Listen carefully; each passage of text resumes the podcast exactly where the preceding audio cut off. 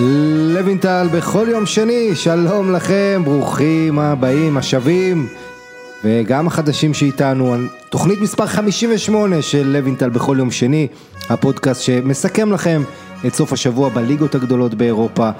וכמדי שבוע יש לי אורח, אני תמיד מביא אוהדים שמזוהים עם קבוצה, היום אני קצת חורג ממנהגי האורח שלי זה אור בסן שעושה הכל כדי להימנע מהזיהוי שלו כאוהד ברצלונה כי מי שמכיר באמת את אור בסן כמוני הוא עובד איתי בוואן גילוי נאות אה, זה איש הכדורגל הספרדי באמת אין אה, בן אדם שאני מכיר עם תשוקה יותר גדולה לליגה אה, ידע התעמקות וכיף גדול שאתה איתנו אוריקי אהלן אור.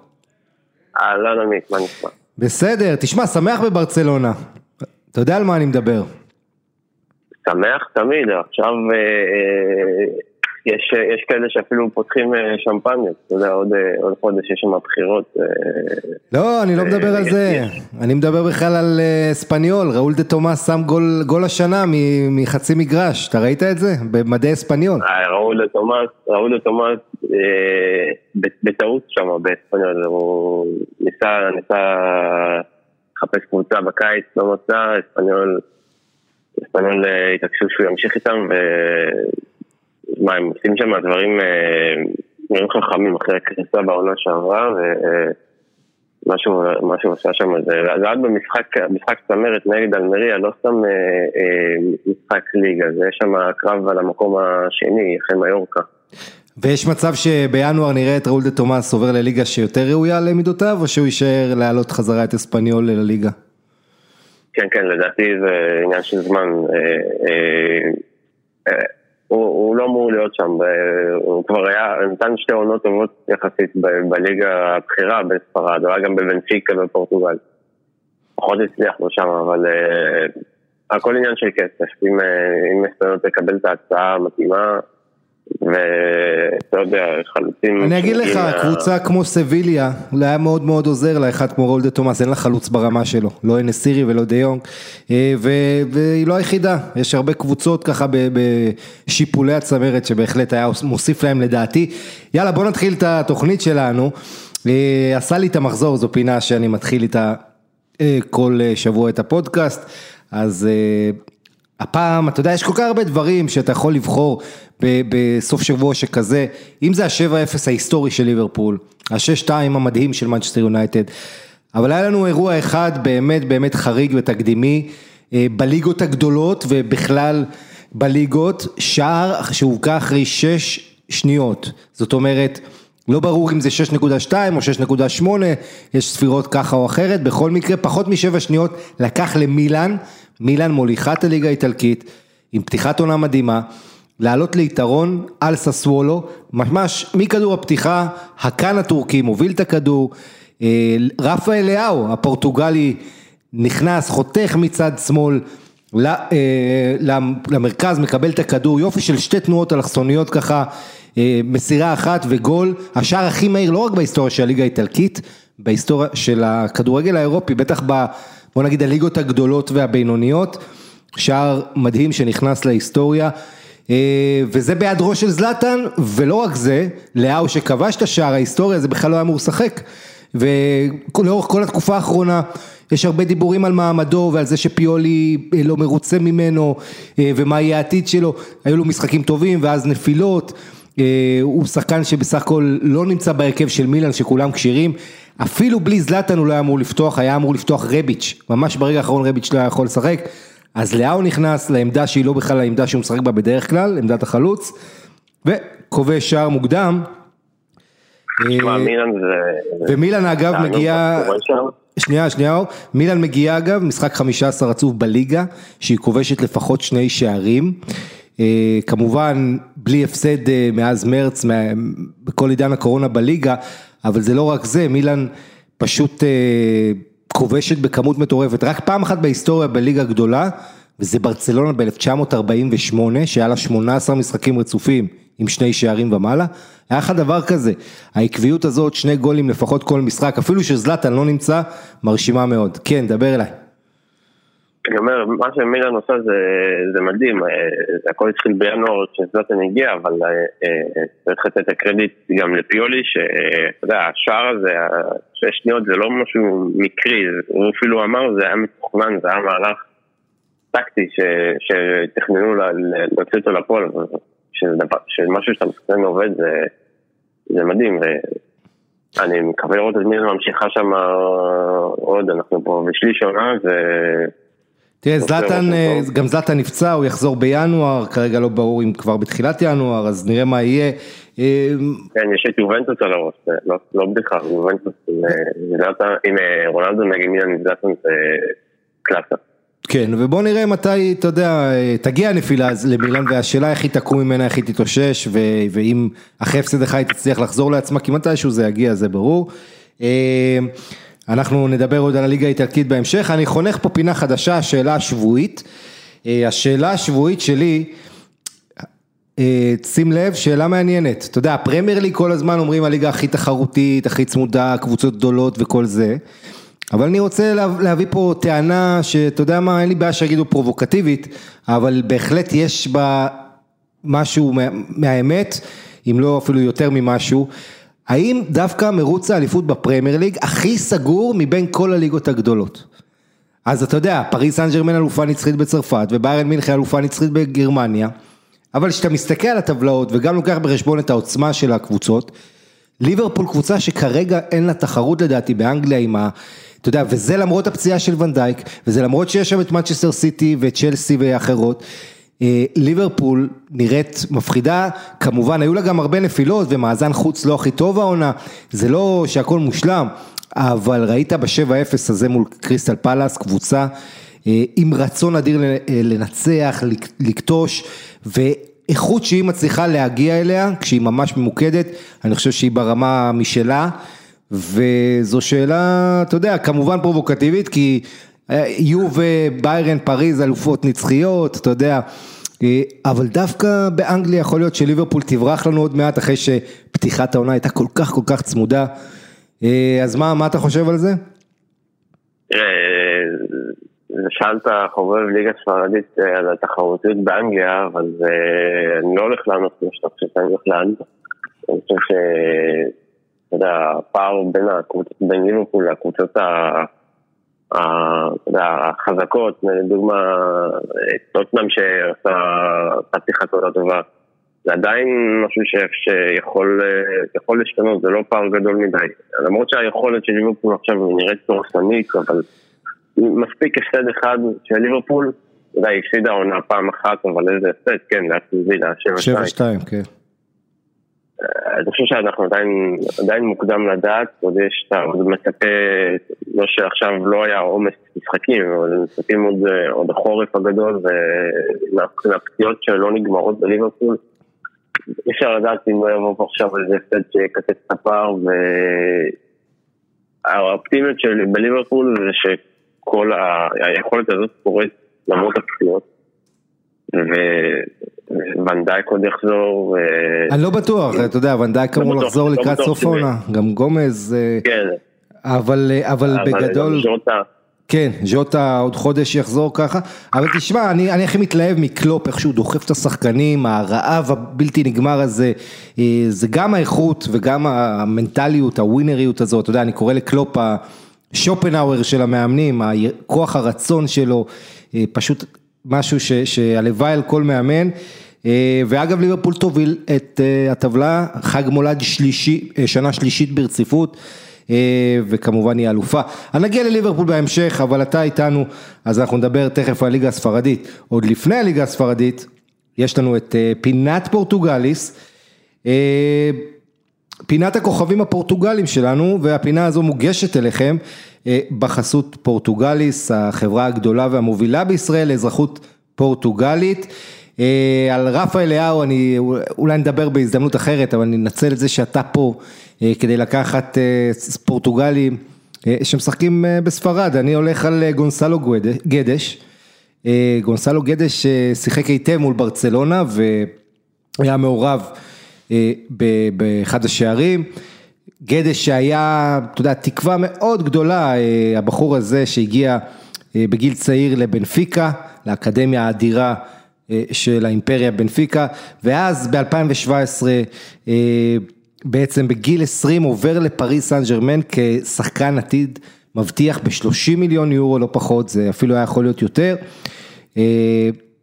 אבל לא הסתדר שם, אתה יודע, והגיע בדיוק טוחל, וטוחל רצה את דרקסלר, שהוא, אתה יודע, גרמני, ואז הגיע לוולנסיה, וגדש, מאז שהוא בוולנסיה בעצם, בשלוש וחצי שנים האחרונות, שחקן שנותן לך רגעים מבריקים מדהימים, ריצות סללומים, שערים מטורפים מרחוק, פעולות אישיות אדירות, ואז הוא נעלם לך לעשרה משחקים. החוסר יציבות הזה מאפיין אותו, וזה מה שמונע ממנו לעשות את ה, אולי את הצעד הבא.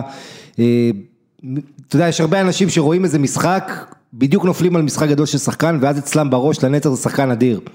אבל מה לעשות, מי שבאמת עוקב, בשביל לשפוט שחקן אתה צריך לראות אותו כל שבוע, ככה כמו רונלדו ומסי, או לבנדובסקי, ולגדש אין את היציבות הזו, בוא נגיד יש לו הרבה יותר משחקים שהוא נעלם ולא נותן את הסחורה מאשר שהוא מספק אותה, אבל הנה מול ברצלונה, אתה יודע, הוא, הוא היה שם, וולנסיה שלו שהביסה את ריאל מדריד 4-1, עושה 2-2 עם ברצלונה, אז גונסלו גדש, שחקן שמספר 7, שחקן כנף אדיר, שמאוד מאוד, כמובן טוב במשחק המעבר, ואני מקווה, בסך הכל הבחור הזה יש לו בין 24, הוא עוד יכול להתפתח אם הוא ילך בדרך מקצוענית ויתחבר ויגלה יציבות. מה לך יש, מר בסן? מה, גדש, כמו שאמרת, חוסר יציבות הזאת אצלו זה...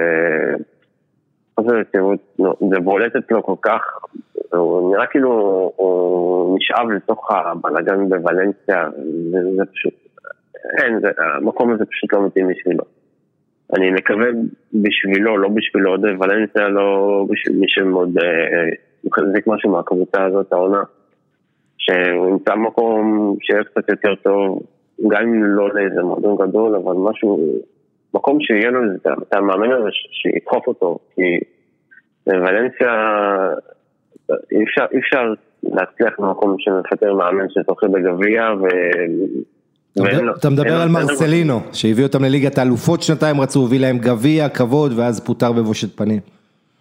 כן, והוא מהשחקנים האלה שצריכים את ההכוונה הזאת. יש לו, יש לו, יש לו, יש לו כישרון ברגליים, אתה יודע, הוא הוביל את פורטוגל לזכייה בליגת האומות, וחוסר היציבות שלו נורא, נורא מטריד אותי, והוא מביא את השנים האלה בוולנסיה. כן, היו עוד שותפים שם לזכייה של פורטוגל, לא הייתי אומר הוביל, אבל כן היה חלק, וגדש, שהוא הדריבליסט המוביל בוולנסיה, באמת נמצא ב... אתה יודע, נמצא במקום, במועדון שהוא המקום שלא היית רוצה להיות בו. הוא נכס, אחד הנכסים האחרונים שנשארו במועדון, שמתנהל בצורה מזעזעת עם נשיא מסינגפור, פיטר לים, שמחפש, בעצם בעלים, סליחה, שמחפש למכור את המועדון.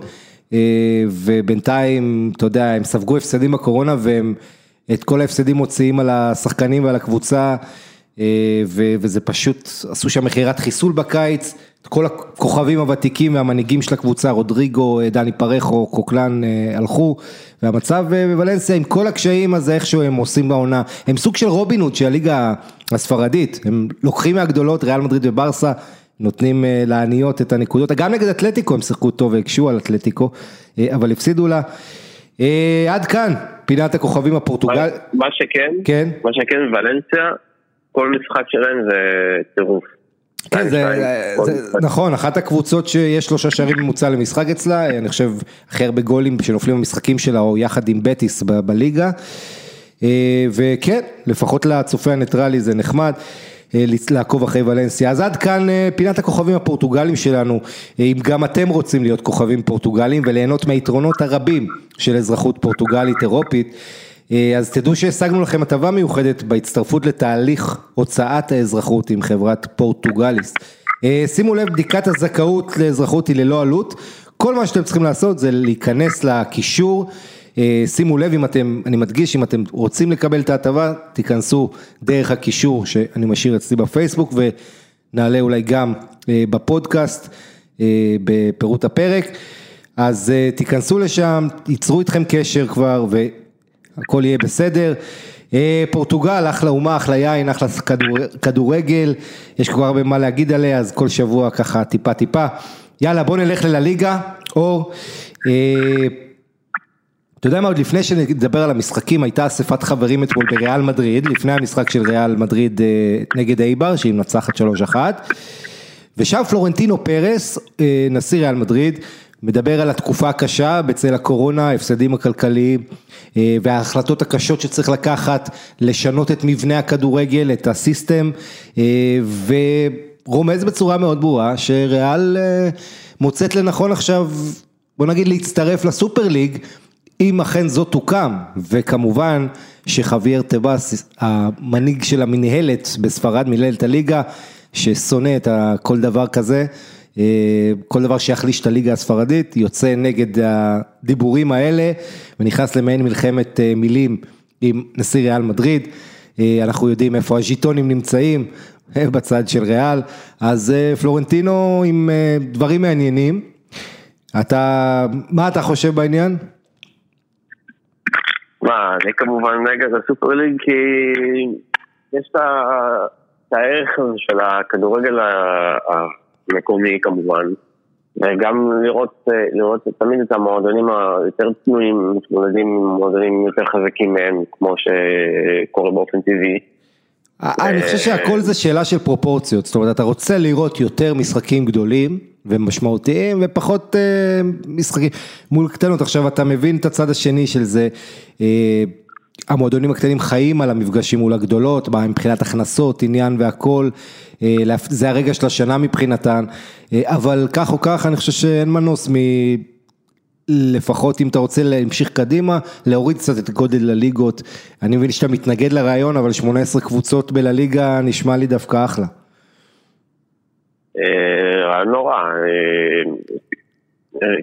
תראה, בטן בליגה זה דבר נורא נורא מעניין, כי הבטן עושה את הליגה בסופו של דבר, ובטן גדולה מדי יכולה אפילו קצת להחליש כל ליגה. כי יש כל כך הרבה קבוצות שבסופו של דבר נשארות אה, בלי, בלי עניין. אתה רואה קבוצה במקום, אה, יכולה להיות מקום עשירי, ויכולה להיות מקום 16 ורחוק מהקו האדום, כמו שנגיד יש בליגות עם 24 קבוצות. שמה שנקרא אין מטרות, אין על מה לשחק.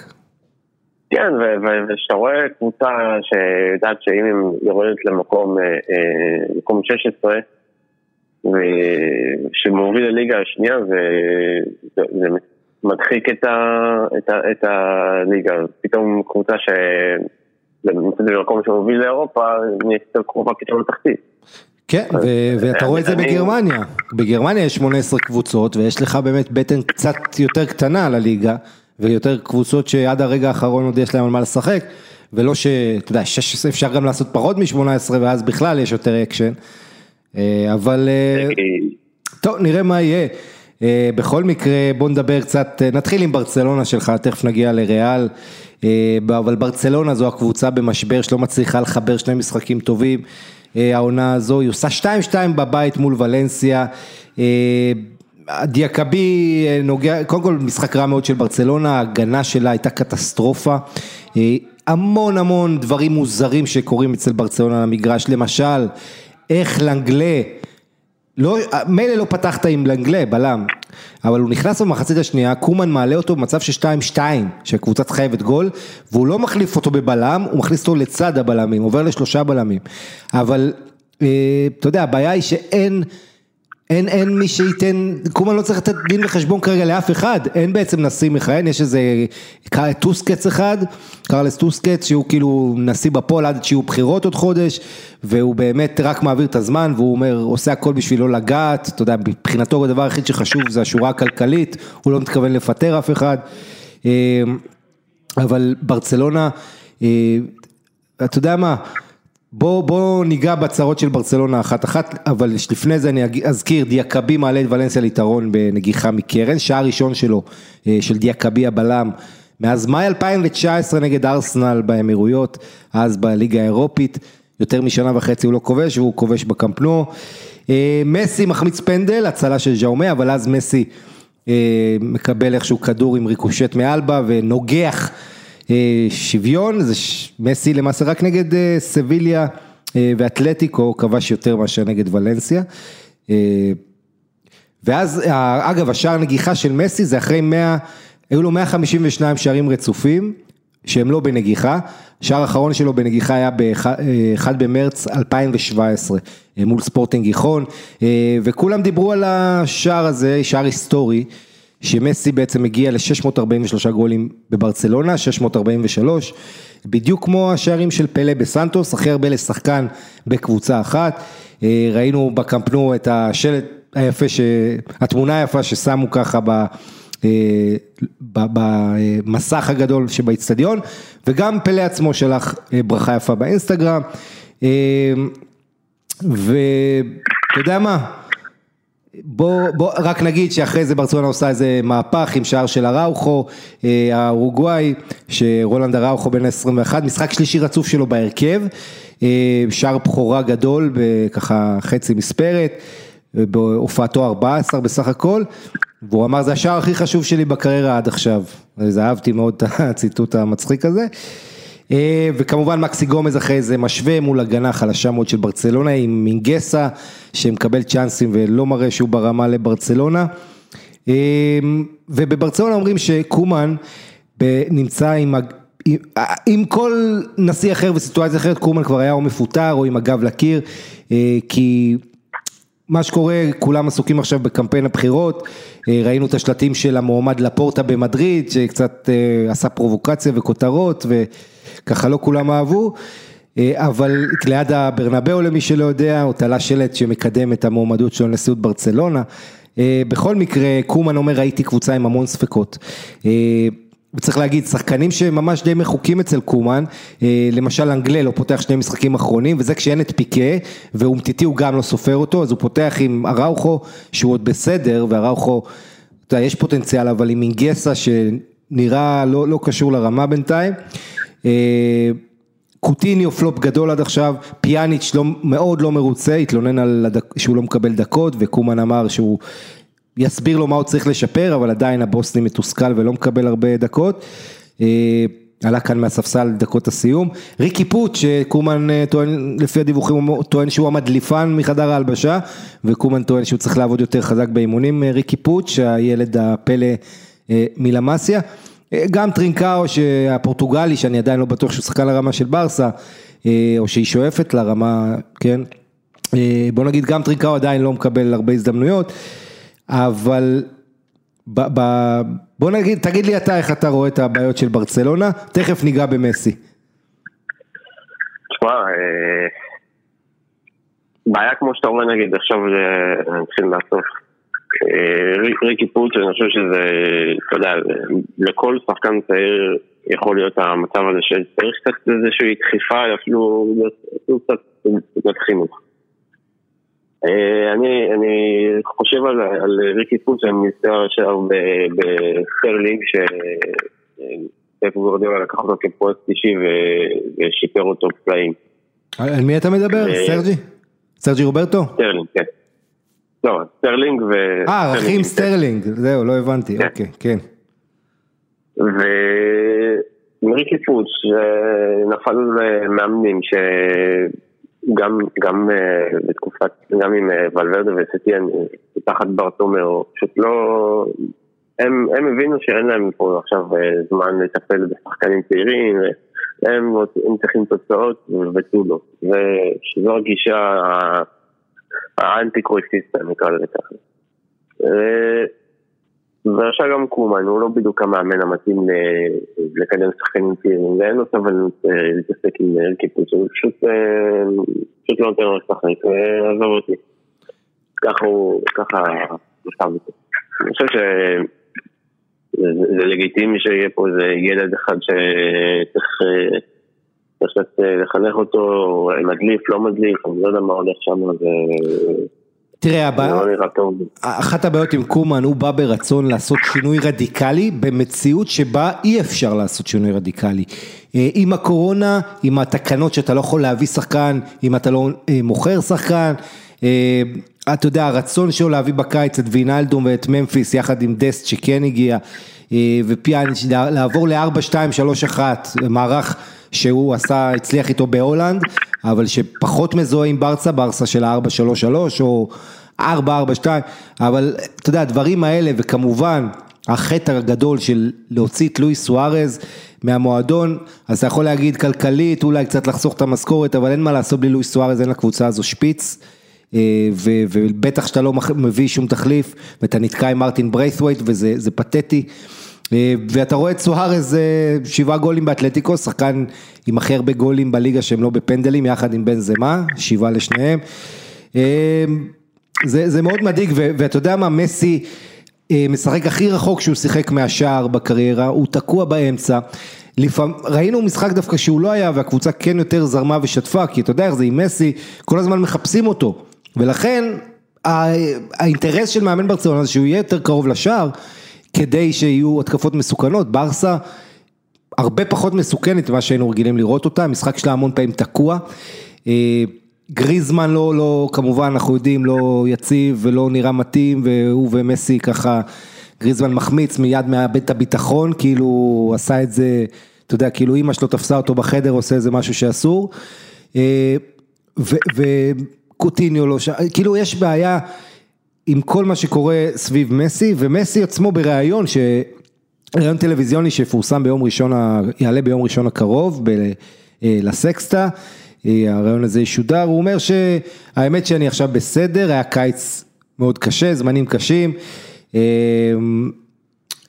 אבל זה קרה בגלל מה שקדם לקיץ, כל העניין עם הבורופקס וכל הפרשיית כן יעבור, לא יעבור, הוא אומר היום אני מרגיש בסדר, ומנסה לשדר רוגע והכל, אה, אתה יודע, זה בהחלט קצת אה, משדר רוגע להנהלת ברצלונה, אבל צריך להגיד את האמת, עכשיו אתה, אי אפשר לדעת מה יהיה בברצלונה, כל, כל מועמד לנשיאות אומר משהו אחר, יש גם מועמד, אמילי רוסו נדמה לי, שאמר שאתה יודע, צריך להיפרד ממסי כבר ולהתקדם הלאה, לבנות מחדש. אה, כל אחד רוצה לבדל את עצמו, אבל בסוף, אתה יודע, זה, זה כואב לראות את גדול השחקנים בהיסטוריה של המועדון ואולי בכלל לדעת רבים אה, במצב הזה. תשמע, האמת היא באמצע, מצד אחד מסי עצמו אה, אור, יש לו ירידה ביכולת, אי אפשר להתעלם מזה, אתה רואה שהדריבל כבר לא, לא שם כמו שהיה בעבר, הוא עדיין דריבליסט מהשניים שלושה הכי טובים בעולם, אבל הוא פחות יעיל ממה שהיה בעבר, אין מה לעשות, זה, זה הגיל וכמובן כל הדברים מסביב. אה, הבעיטות שלו פחות מדויקות, שנה הוא לא כובש בכדורים חופשיים, אתה יודע, מפספס הזדמנויות, אה, לא חד מול השאר, בעצם מאז שחזרנו מפגרת הקורונה אפשר לומר את זה. אבל שים לב לנתון הזה שמלמד משהו, כמה הקבוצה, במקום לעזור לו, רק פוגעת בו. אה, וזה משמעותי. מסי בעונה הזו נותן שיא עונתי שלו במסירות מפתח למשחק, 2.81. אבל יש לו שיא שלילי בבישולים. 0-15 ל-90 דקות.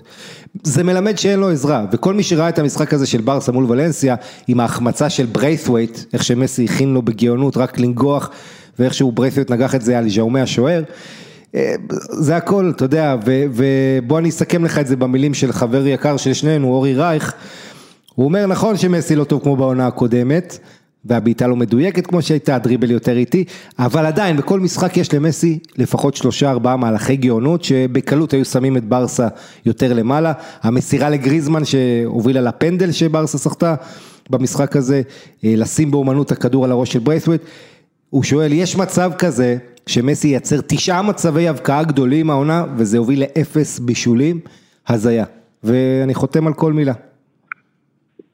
כן, אה, מה, ברייתווייט יש, יש, לו, יש לו פעולות טובות, אבל בוא נגיד את זה ככה, עם סוארז, זה עולם אחר לגמרי. כן, ו... אה, חיזקנו פה יריבה לאליפות. זה ממש, זה חטא על פשע, מילא לתת ללואי סוארז לעזוב, אתה עוד נותן לו לעזוב לאתלטיקו, וזה פשוט... עוד בחינם. כן, חמישה מיליון יורו כולל בונוסים, זה התאבדות מקצועית, אגב מדובר... כן, מה? אמרת על ולנסיה שהם רובינון, אז מה תגיד על ברצלונה? כן, אגב, אה, טוב, ברצלונה גם לא לקחה מהגדולות, אבל אה, אני אגיד לך, ברצלונה תביא בחמישה מיליון יורו בינואר את ממפיס דה פאי, שמיליון, שחקן, בוא נגיד, הכי טוב היום בעולם ביחס למחיר שלו, אה, שאתה יכול למצוא, וזה, אני בהחלט חושב שממפיס יכול לעזור להם, אבל הם צריכים יותר מזה, הם צריכים בלם, קודם כל. הם צריכים עוד עומק עוד ואיכות גם אה, חוץ מממפיס מקדימה אה, בשפיץ, אה, את הגולר שאין להם, אפילו סטואני כזה או שחקן מליגת המשנה, דיברנו על ראול דה תומאס מקודם, אם הוא היה בברסה המצב היה יותר טוב. כן, ברצלונה, בוא נגיד ככה, נזכיר שבליגה הספרדית יש לנו בעצם מחזור אמצע שבוע, מחר, מחרתיים, יום שלישי רביעי, ואז יוצאים לפגרה עד שלושה בינואר, בעצם עשרה ימים, פגרת סוף השנה, חג המולד.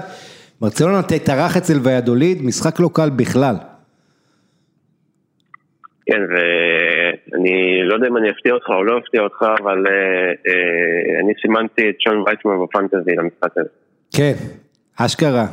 אתה מבין, הם שיחקו עכשיו ויאדוליד, תכף נגיע אליהם נגד סביליה, הגנה אחת הטובות שיש עם קרלוס וקונדה, שאתה יודע, כל אחד מהם תביא לברסה והוא הבלם הכי טוב. אבל אה, עכשיו הוא הולך לשחק מול אחת ההגנות החלשות אה, בליגה. אה, בואו נתקדם לריאל מדריד, רק לפני זה נציין איך הטבלה נראית, אתלטיקו מדריד בראש עם 29 נקודות, גם לריאל מדריד אותה כמות נקודות, רק מה ריאל מדריד עם שני משחקים יותר, שני הפסדים יותר. אתלטיקו כרגע וירטואלית יכולה להוביל בשש אם היא תנצח את שני המשחקים החסרים שלה. נגד סביליה ולבנטה. כן. לא. זה לא, לא קל לאף אחד מהם, אמ, נכון? ובכל מקרה ריאל סוסיידד אה, עדיין שלישית למרות שהיא לא ניצחה, היא לא זוכרת מתי היא ניצחה, תכף נגיע אליהם. ויה ריאל אה, רביעית, ברסה המאכזבת חמישית עם משחק חסר, אבל גם אם היא תנצח בו היא לא תוכל לעלות אה, יותר מהמקום שהיא נמצאת בו כרגע, המקום החמישי, צמוד לגרנדה. אה, וסביליה אגב שביעית שם והיא יכולה לעקוף את ברסה עם משחק אה, חסר. אה, אז והדוליד אגב של שון וייסמן ירדה למתחת לקו האדום אבל כל כך כל כך צפוף שם משלוש נקודות ממקום עשירי והיא גם במומנטום טוב היא פתחה לו טוב את העונה ולאחרונה עושה תוצאות יותר טובות והדוליד אז הליגה הזו באמת קשה ואין הרבה קבוצות חלשות שאתה יכול לסמן מולה משחק נוח. אחת החלשות שאתה אומר אולי משחק נוח זה אייבר, אבל אפילו אייבר הקשתה על ריאל מדריד. ריאל מדריד מנצחת 3-1 בסיום, אה, מאוד מאוד דומה לניצחון של ריאל מדריד על אתלטיק בלבאו, עוד יריבה בסקית באמצע השבוע, אה, שריאל הובילה 2-1 ואז דקה 90, הצלת שער בטוח של קורטואה, אתמול זה היה רמוס נגד אייבר, ומיד צד שני, תוך כמה שניות במתפרצת זה הופך ל-3-1 במהלך האחרון בעצם של המשחק. אה, ו... לוקאס וסקז, נכון, אתמול מקנח אה, מול אייבר. אמ, ריאל מדריד, בואו נדבר קצת על אה, קרים בן זמה, שפתח את המשחק הזה נהדר עם שער ובישול למודריץ', וסיים אותו בעצם עם שני בישולים, אה, כי הוא מבשל גם את השער האחרון. אז זידן לא, לא מוריד אותו מהמגרש כרגיל. וריאל מדריד רק נגיד זה ניצחון חמישי ברציפות שלה, ארבע בליגה ועוד אחד אה, במשחק הקריטי בליגת האלופות.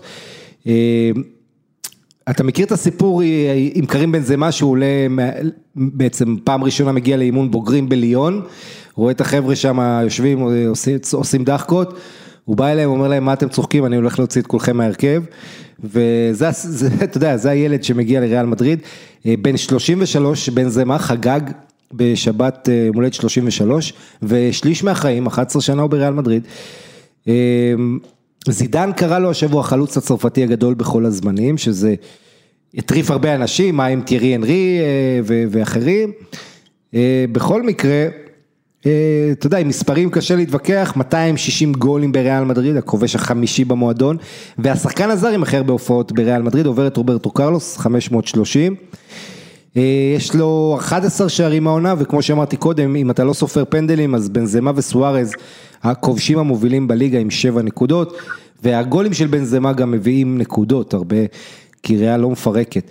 אה, הכי הרבה בישולים ב-25 שנים האחרונות בריאל מדריד, ראול ורונלדו 116, בנזמה עוד מעט יעקוף אותם, 113.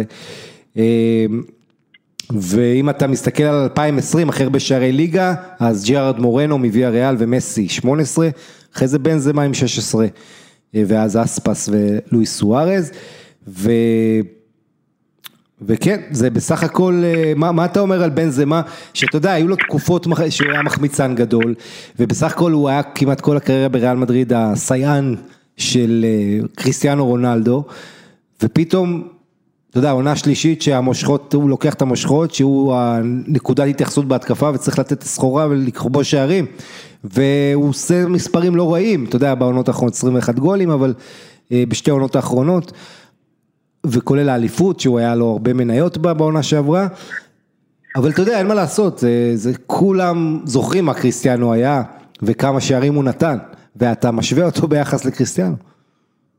אם בן זמן לא היה מוכרע מנבחרת צרפת, הוא היה הרבה יותר מוערך, גם כי הוא היה מקבל את ההזדמנות להוכיח מה הוא שווה גם חוץ לרעל מדריד, הוא היה אולי זוכה להערכה יותר גדולה גם מהצרפתים, ויותר חשוב, אולי הוא היה גם מקבל חלק בנבחרת שזכתה במונדיאל, ואולי אפילו עוזר לקחת את היורו. אנחנו לא יודעים מה היה קורה, אין ספק שהוא לא מוערך.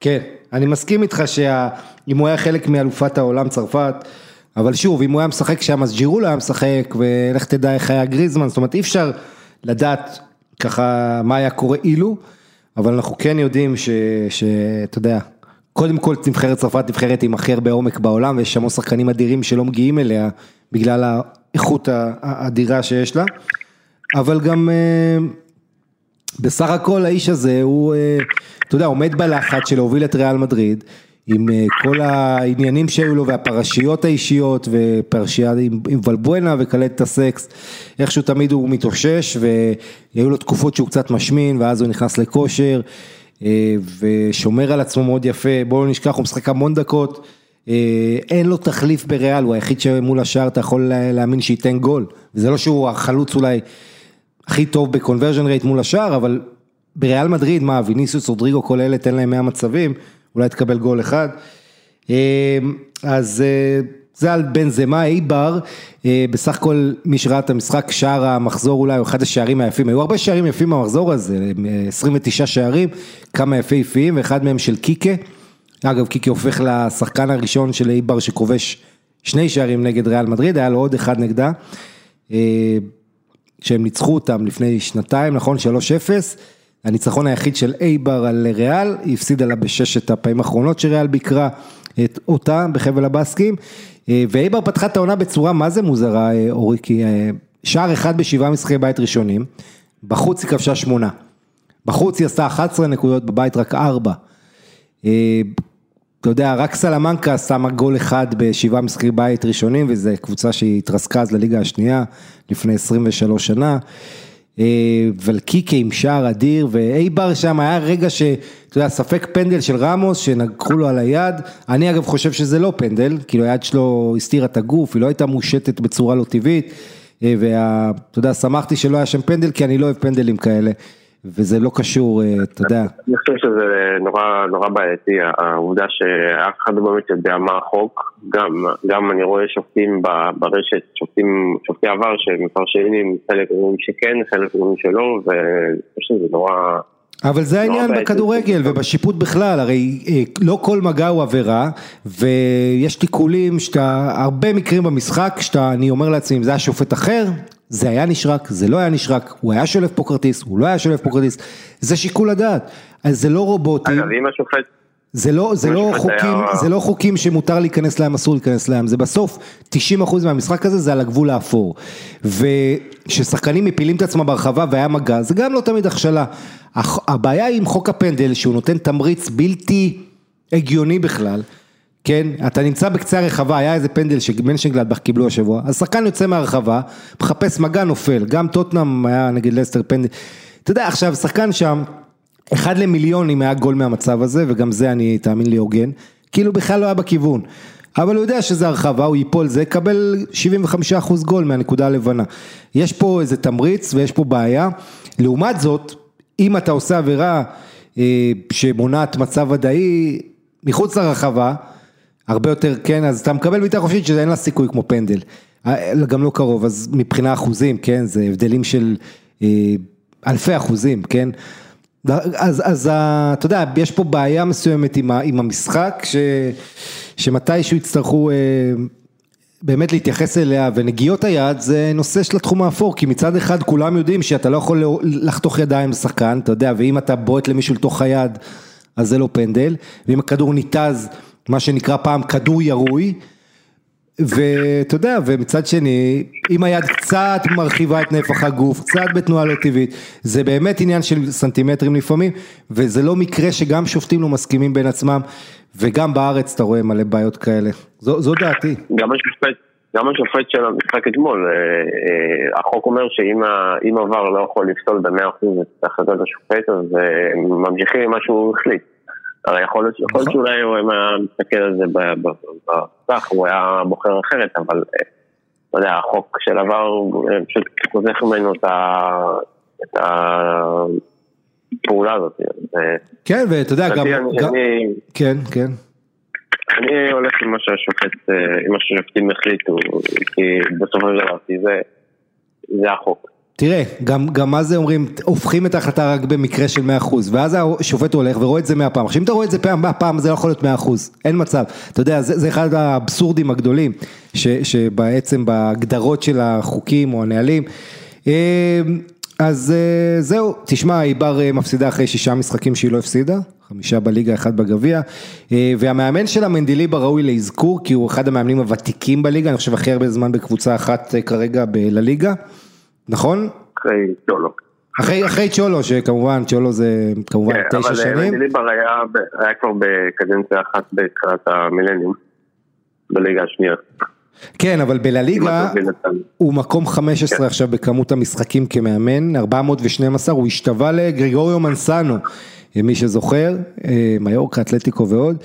אה, ומשחק הבא הוא גם משתווה ללורנסו סרה פרר, בקיצור הוא בחברה טובה מנדיליבר, בקבוצה שלו הולכת למאבקים קשים העונה.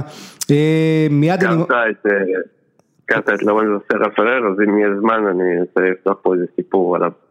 אתה יודע מה, יאללה, לך על זה, תשתדל אבל בדקה שתיים. בבטיס, לא רק בברצלונה, יש בקרוב בחירות, וסרה פרר הוא היה מנהל מקצועי שהיה אחראי על הקבוצה הנהדרת של סיקי סטיאן, עם טבאיוס ופביאן רויס. אז יש שם בחירות, וסר אחר מתמודד אחרי שהוא צריך עם ההנהלה של אה, אנקל ארו, וארו הוא המעמד אה, שמתמודד מולו. ארו הוא כרגע הנשיא, לא? כן, כן. אז הוא... חוקין סופג כן. עכשיו הרבה אש, כי הוא באמת בעצם מתעדד באנקל ארו, שכל האוהדים של בטיס לא, לא רוצים לראות את זה. זה כמו, זה כמו שמסי עכשיו יתעדד בברטומיאו בבחירות הבאות. זאת כן. אומרת, אה, חואקין שהוא אגדה כזאתי, פתאום עכשיו הולך נגד הדעה של האוהדים וזה... אבל, אבל אין ברירה, אתה יודע, אני מבין את האוהדים, זה סיפור מרתק, אה, אבל אתה לא יכול לצאת נגד מי ששולט עכשיו, אתה מבין, זה...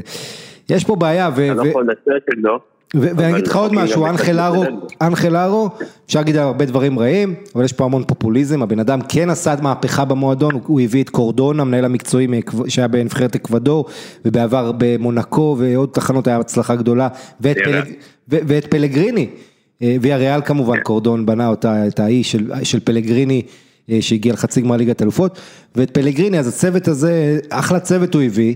אה, ווואלה, מה לעשות שהקבוצה שלהם לא משחקת הגנה, ולא לא מממש את הפוטנציאל עדיין, אבל אתה יודע, תמיד בסוף מוצאים את ה... גם אין רכש, אז בכלל. כן, וקל למצוא את השעיר לעזאזל פה הנשיא, אבל לורנצו סרפר, כמו שאתה אומר, דמות מאוד פופולרית בבטיס, אה, בנה שם הרבה קבוצות, היה מאחורי הקלעים, עשה הרבה עסקאות ככה, וגם נהנה מיחסי ציבור טובים, צריך להגיד. גם כמאמן, הוא הביא את הקבוצה לליגת האלופות וזכה בגביע ב-2005. כן, אבל אלה ימים אחרים. אה, בוא נגיד, אה, אתה יודע מה מעניין בליגה הספרדית? זו ליגה שכולם מדברים כמה יש מעט שערים יחסית בה, וזה נכון אה, שאנחנו בשנתיים של ירידה בכמות הגולים, אבל יש לך עלייה מטורפת, זאת אומרת, כולם מדברים על זה שזה בגלל שרונלדו עזב ומסי בירידה וברסה וריאל לא כובשות הרבה, אבל זה לא, זה, זה כל מה שאמרתי פה זה 20% מהסיפור, כי הסיפור הגדול יותר זה השינוי ב-DNA של הקבוצות הספרדיות, זה היום שפעם היה לך אתלטיקו אחת ושאר קבוצות שמשחקות פתוח, היום קבוצות הכי קשוחות שיש לך, וזה בניגוד למה שחשבנו על הכדורגל הספרדי, הרך, הזה, שכל אחד נופל, היום הבלמים הכי קשוחים נמצאים בלליגה, ואתה יודע מה, דבר איתי על שוערים, אז כולם יגידו לך או בלק, טרשטגן וקורטואה, שלושת השוערים המובילים בליגה. אבל אתה יודע, אפשר לעשות בכיף מרוץ שוערים אלטרנטיבי בלליגה, להכניס שם את אה, לדסמה מקאדיס או את דימיטרוביץ' שכל כך הרבה נקודות הביא העונה לאיבר, את אייטור, שוער ענק מלבנטה, אה, אתה יודע אפילו יש לך, כן ויש לך עוד, עוד כאלה פצועים כמו וצליק בסביליה ו... אה, אתה יודע, סילסן שלא משחק בוולנסיה וז'אוממה לא רע בכלל בגלל שסילסן פצוע, אז יש לך אחלה שוערים בליגה הזו. כן, זה לא נגמר כי יש תמיד עצה חדש, תמיד פה עוד שוער מגיע ועוד שוער מגיע ועוד בלם מגיע ויש, יש מהדרג הזה בליגה הספרדית, גם בליגה השנייה, כל פעם יש לך שחקנים שהם מספיק איכותיים בשביל להתמודד ברמות האלה, זה לא נגמר. אבל איך אתה מסביר את זה בתור ספרדולוג אה, הכי גדול שאני מכיר, איך אתה מסביר את השינוי העצום הזה ב-DNA של הכדורגל הספרדי? יש השפעה של אה, מאמנים שמביאים הצלחות, אתה רואה את אה, צ'ולו שהשפיע ופתאום אתה רואה את בורדלה שהגיע לליגה האירופית ומאמנים הולכים אחריו, גם אני חושב שבכלל מה שהשפיע זה מההתחלה זה הדריסה של אה, ברסה וריאל בתחילת העשור הקודם, שראו שאי אפשר להתמודד מולם, אז התחילו קצת אה, ללמוד וללמוד אותם, ואז פתאום אתה רואה את אתלטיקו אה, ואתה רואה שהקבוצות עוצרות את ברסה וריאל ומקשות עליהן. יש השפעות זרות? זאת אומרת, חוץ מסימאונה, אתה יודע, דווקא פלגריני הצ'יליאני זה המאמן הכי פתוח והתקפי בליגה היום, אבל אתה יודע, זה לא שקלופ אה, ופפ הכי משפיעים שם כרגע, עושה רושם. כן, אבל אני חושב שגם אה, המאמנים רואים מה יש להם. אה, מאמן עם הגנה טובה, עם בלמים טובים, ינסה ללכת על הכוח הזה, ינסה לחזק את ההגנה שלו, וגם אחת המידה טקטית, זה לא בהכרח רק הבלמים. תיקח, תן לך דוגמה, כן, כן. הביקורת? הביקורת על uh, בטיץ' שיש לה התקפה, מבחינת שמות, התקפה טובה, אבל לא מפקיע שערים, או לא מפקיע מספיק. זה גם כן uh, משהו ש... יש פה פער בין החומר שהשחקנים שיש לך כן. למה אתה עושה איתם. לגמרי, ואתה יודע, זה, זה פשוט מדהים. כמה, אתה יודע, קבוצות לא לוקחות סיכונים, תיקח את סביליה, סביליה קבוצה שלא רק שיש לה סגל עם הרבה שחקנים טובים, גם בחלק ההתקפי, והרבה מושאלים נהדרים, בריאן חיל וכאלה. אה, אתה מסתכל על אופטגי והכדורגל שלו, שזה המון פוזיישן, אבל מעט מצבים. אה, המלך השערים שלו, קמפוס, בעונה שעברה, לא כבש שער שדה שלושה חודשים כבר. אה, הוא קרק פנדלים, הוא כבש מאז. ותראה את התוצאות שלהם, ארבע פעמים מנצחים 1-0 העונה, שלוש פעמים מפסידים 1-0 וזו סביליה עם הכדורגל, אתה זוכר, פביאנו קנוטה ודני אלווס וכל השנים עם הכדורגל המלאים ופתאום אתה רואה הכל 1-0 שם, במחזור הזה במקרה יצא 1-1 במקום 1-0, אבל אה, אני, אתה יודע, בראש שלי תמיד מדמיין את סביליה הרבה יותר מלאת תשוקה מאיך שהקבוצה הזו נראית. וזו קבוצה חזקה, מחזיקה את הליגה האירופית, הגנה טובה, קישור נהדר, הכל שם בסדר. אה, בואו נתקדם, אתלטיקו 3, אלצ'י 1. אה, אתלטיקו המוליכה חוזרת לנצח אחרי הפסד בדרבי לריאל מדריד. אה, לואיס סוארז עם צמד. בעצם זה פעם ראשונה שלואיס סוארז ודייגו קוסטה כובשים, כובשים באותו משחק, דייגו קוסטה היה פצוע איזה חודשיים וחוזר לעניינים ככה, עלה מהספסל, סחט פנדל וכבש אותו. אה, בעצם סוארז בדיוק הוחלף, אז הם לא ממש שיתפו פעולה. שים לב לזה, לואיס סוארז אה, בעצם צריך לחזור הרבה מאוד בהיסטוריה של אתלטיקו, למצוא שחקן שפתח כמו לואיס סוארז, שבעה גולים בתשעה משחקים ראשונים עם אתלטיקו, לפלקאו לקח עשרה משחקים, אחד יותר להגיע לשבעה גולים. במאה ה-21, אם תרצה, לטורס וויה 14 משחקים לקח בשביל להגיע לכמות הזו, אז סוארז פותח די בשקט, אבל בצורה מצוינת את הקדנציה באתלטיקו, ואגב, סוארז כבר עם 151 שערי לליגה. הוא עושה את זה, הוא מגיע ל-150 ובעצם כובש צמד 151, הוא עושה את זה ב-200 משחקים, ללאו מסי לקח 203 אה, משחקים להגיע לכמות הזו, צריך להזכיר כמובן מסי בניגוד לסוארז לא הגיע כשחקן על הליגה, הוא הגיע כילד שעלה ולקח לו קצת זמן להיכנס לקצב המטורף שהוא המשיך אחר כך. ואגב רונלדו עשה את זה ב-140 משחקים בלבד, להגיע ל-150 שערי ליגה.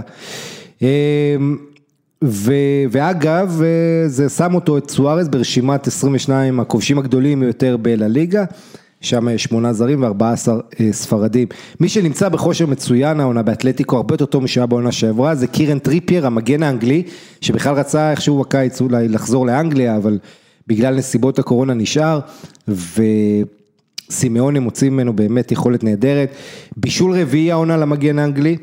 אה, סוארס שם המשיך בנגיעה אה, עדינה אה, את, ה, את הכדור רוחב הזה, ו, וכן, ואז עוד שער של סוארס ושער מצמק של אלצ'ה מקרן, ובסוף קרוסטה עולה וסוגר את הסיפור. בעצם הרגע של המשחק הזה היה כשהשופט ניגש להוציא צהוב למאמן אלצ'ה, למאמן של אלצ'ה, ומישהו שם מהספסל זרק לעברו, שופט כל מה שחסר לך זה ללבוש את המדים של אתלטיקו.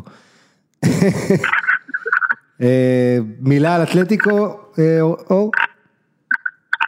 אה, כן, רואים שדווקא שכל הקבוצות בספרד מחכות לאתלטיקו, אז בא סימון ומשנה את ה... מתחיל לשנות את בעצמו. הוא רואה עכשיו ב... ב... אגב, הזכרת קודם על החילוף של לאנגלי שהפך, שקומן עבר לשלושה בלמים.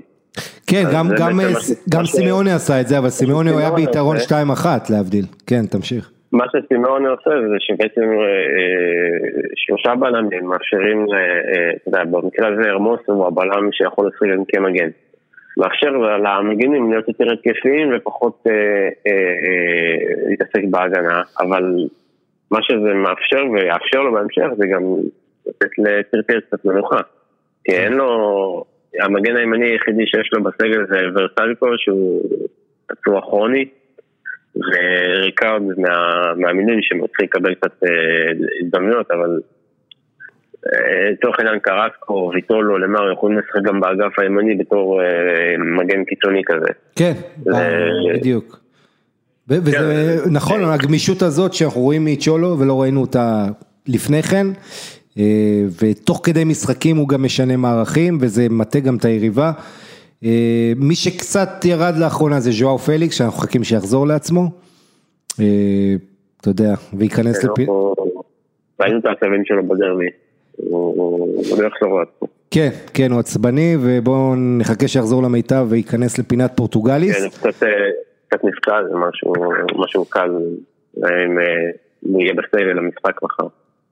כן, בואו נראה מה יהיה, מחר אה, רק נגיד אתלטיקו אה, נגד אה, ריאל סוסיידד בחוץ, קרב צמרת, אבל סוסיידד לא ניצחה שמונה משחקים, צריך להגיד את זה, שש ומשהו שנים לא היה להם רצף כזה גדול. אתה יודע מה, אז בוא נדבר על זה. כן. אבל דוד סילבה ואורי סבא, שני הסופרסטרים של הקבוצה, לא, לא בכושר משחק. הם, הם לא שיחקו בכלל, נכון? נגד כן. לבנטה. לא, לא שיחקו, אה, יש להם, אה, יש להם קצת בעיות בעומק בחלק ההתקפי, אבל אה, כן, גם בוא נגיד את האמת, ריאל סוסיידד קבוצה נחמדה, מאמן מאוד סימפטי, מנול, אחד הג'נטלמנים של הליגה הזו, וסיפור יפה, ומדיניות נהדרת, עם מחלקת נוער נהדרת, שבאמת נותנים צ'אנס לשחקנים, עם צ'אבי אלונסו שם שמאמן את קבוצת המילואים, הכל טוב ויפה. אבל אתה מסתכל על הסגל ואין מה לעשות, חסרה שם איכות בכמה עמדות, אה, וזה, הקבוצה פתחה את העונה מדהים, אבל גם עם קצת מזל. אה, דוד סילבה ברגע שהוא נפצע הדברים התחילו לחרוק, היה להם שש תוצאות תיקו רצופות, ובעצם אה, מפסידים 2-1 ללבנטה, שעושה מהפך. ריאל סוסיידד לא מנצחת שמונה משחקים כמו שאמרתי, זה רצף שלא היה לה שש שנים מאז שחגובה ארסטה, החבר שלך, אימן אותה. ובעצם לבנטה, קבוצה שאני מאוד אוהב, של פאקו לופז, מנצחת עם שער שוויון של רוג'ר, ודה פרוטוס, שהפך לאחרונה לשחקן בולט שם, שוב, שער ניצחון ואיש המשחק, חורחה דה פרוטוס. שים לב לזה, פאקו, קודם כל נגיד שסוסיידד לפני שהפסידה הובילה במשחק הזה משער של איסק בבעיטה חופשית ישירה, שפגע ביריב והטטה את השוער, זה היה השער הראשון בכדור חופשי ישיר בליגה הספרדית, אחרי 112 משחקים רצופים, 112, אתה מבין, מחזור זה עשרה, זאת אומרת, אתה מדבר איתי על 11 מחזורים שלא נכבש שער בבעיטה חופשית ישירה בליגה הספרדית. אה, אני אומר שזה היה הגול של מסי נרד בפסונה בסוף העונה. כן, לא, היה לנו העונה הזאת, אה, אני זוכר את, אה, הייתה מחזור פתיחה, היה איזה ויאדוליד שם, כן, עם נכון. רוברטו משהו, גם איזה דרדלה, אבל בגדול אתה לא, כן, אתה רואה בכלל בליגות פחות גולים במצבים, בבעיטות חופשיות ישירות, חוסל הוא כבש העונה בעצם, יש לנו חמישה שערים העונה בבעיטות חופשיות ישירות בספרד עד עכשיו. אה, אבל אה, בוא, פאקו לופז, מאמן הקרח המבריק של לבנטה, שים לב לזה, מגיע למאה משחקים בלליגה כמאמן לבנטה, אה, ויש לו 36 ניצחונות, במאה משחקים לפני פאקו לופז, היו להם 20 ניצחונות, כלומר 16 פחות, ו-11 הפסדים יותר. אז uh, המאמן הזה ראוי להרבה קרדיט, כמובן פתח בסערה, השאיר את הקבוצה בליגה ועושה הרבה צרות לגדולות, לריאל וברסה. Uh, בוא נדבר רגע על הקבוצה הכי חמה בליגה הזו, סלטה ויגו, uh, שמאז שהחליפה מאמן, סלטה מנצחת 2-0 את אלאבס, עם צמד של ברייס מנדס, יש לה את השחקן הספרדי הכי טוב בליגה בפער, עם כל הכבוד לג'רד מורנו ואחרים, יאגו אספס, אתה יודע כמה, שבעה שערים, שישה בישולים העונה. אה, ותשמע, זה מדהים, רק נגיד. אבל הכדורגל. כן, הכדורגל נפלא שהיא משחקת לאחרונה. אבל רק אני אזכיר, אוסקר גרסיה, שנייה אני מעביר לך, אוסקר גרסיה פתח את העונה בסלטה, עשה 7 נקודות מ-27, אה, מגיע אדוארדו צ'אצ'ו אה, קודט, שהיה שחקן איזה חצי שנה במועדון, ארגנטינאי, בא, מגיע ככה, סלטה כבר ידועה בזה שהיא מביאה מאמנים ממרכז דרום אמריקה, ו, והנה הבחור הזה קודט, שים לב, 12 נקודות מ-15 אפשריות איתו על הקווים. שמע, אה, אני קראתי אה, אנשים שמשווים את המשחק שלו לפליק בביי מינכן. אתה רואה את המסירות האלה בתוך הרחבה, משחק כל כך מהיר, וכל מצב מסתיים בבעיטה, לא משנה אם זה פוגע בשוער, בקורה או באיזה בלם. אם, אם, אם אתה רואה יותר נקודת אור התקפית בליגה הספרדית זה עושה זה תענוג לראות את הקבוצה הזאת. אתה יודע, רק חמישה משחקים עברו, אבל כן. יש, פה, יש פה תחושה טובה. הם עכשיו אה, מקום שמיני רק אחרי שהם היו מתחת לקו האדום. כן. אני חושב שמה שחסר לפלטה זה קצת אה, ההנהלה המקצועית שם עדיין לא, לא מספיק טובה לדעתי, אה, מה שהיה בריצו שהוביל את הקבוצה לליגה האירופית, הקבוצה מדשדשת. בתחתית, עם סגל כזה, עם שחקנים כאלה, זה לא יכול לקרות. כן, אבל צריך, בואו רק נסביר, קודם כל נגיד משהו על ברייס מנדס שכובש פה צמד וחוזר לחיים בזכות התפקוד שלו במרכז, הוא כל הזמן חותך לאמצע, מה שהוא לא עשה קודם, ברייס מנדס גם כבש משחק קודם ב-4-0 על קאדיס, פתאום שלושה גולים ושחקן שהיה בבצורת של שנה, שנה וחצי, לא יודע, לא כבש מלא. פתאום הוא נכנס לעניינים אה, והוא מדבר, היה איתו איזה ראיון שמאוד מעניין, שהוא דיבר כמה היה לו קשה, זה בעצם שחקן שפרץ כבר לפני שלוש שנים, צעיר, אתה יודע, לי 97, אה, וסלטה שהיא מאוד גאה במדרוע, כמובן באקדמיה שלה, אה, ובעצם גם אספס, גם ברייס, גם דניס סוארז והוגו מאיו ועוד ועוד חבר'ה שם. ו... ואתה יודע, פתאום זה מתחבר עם מאמן שאתה יודע, מכיר את המועדון הזה, יודע, אה, אגב, קודט עצמו אמר אה, שהשאיפה שלו, המטרה היא להישאר בליגה, אבל מבחינתי האישית המטרה היא גם למנוע מהקהל לסבול, ובינתיים הוא עושה עבודה מדהימה. אה, אם אתה צריך את ה... לתמצת את הכישלון הגדול של אוסקר גרסיה, אקס מכבי תל אביב, זה כל ההתנהלות מול הוגו מאיו, הוגו מאיו זה הקפטן הוותיק של הקבוצה, אחד ממובילי, אתה יודע, אחד המובילים בכמות ההופעות במועדון, סמל.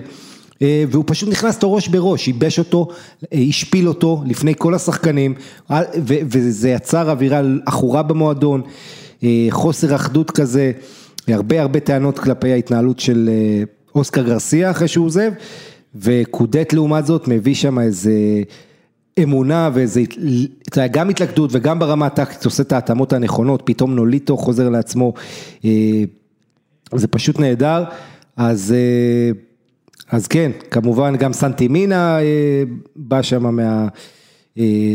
אקדמיה. זה סלטה ויגו, מה עוד היה לנו במחזור הזה? חטף חוזרת לנצח, סוף סוף 2-0 בחוץ את קאדיס, קאדיס אתה יודע למה הם הפסידו? כי הם החזיקו בכדור 61% מהזמן, קאדיס, העונה הניצחונות שלה על ברסה 18% possession, על ריאל 25%, על אייבר 27, בילבאו וווסקה גם הם לא הגיעו ל-30% possession, כל פעם שמעל 30% possession הם מפסידים, ככה זה אצל קאדיס, אבל אה, חטאפה קצת מתאוששת עם שער יפה של קוצ'ו, קוצ'ו הרננדס.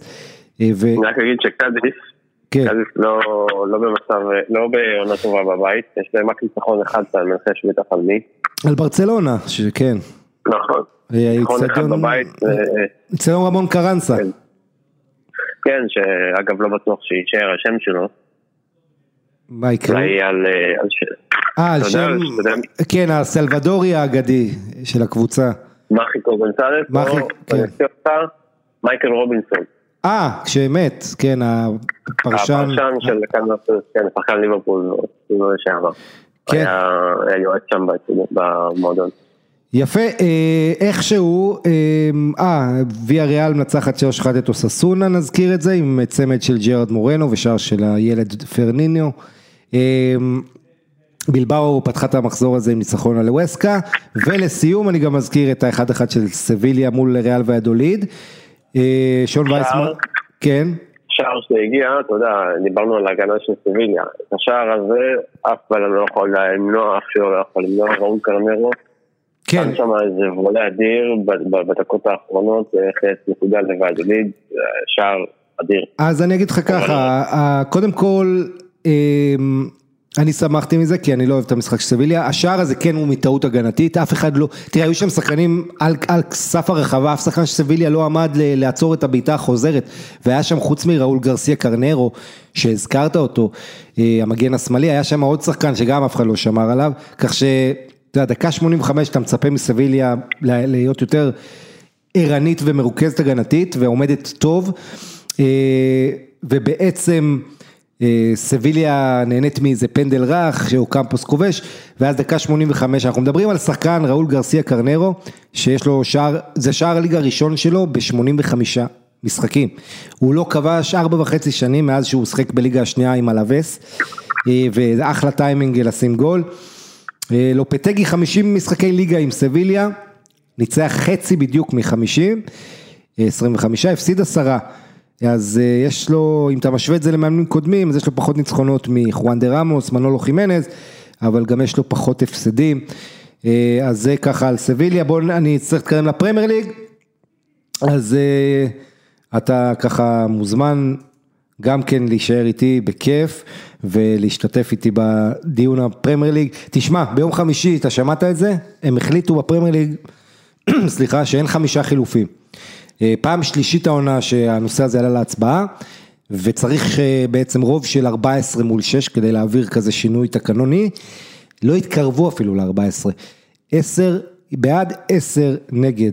מי נגד? אסטון וילה, ברנלי, קריסטל פלאס, פולאם, לסטר, לידס, ניוקאסל, שפיל יונייטד, וסטאם, ובאופן מפתיע גם וולפס, אה, שוולפס כן קבוצה שסובלת מעומס. ו...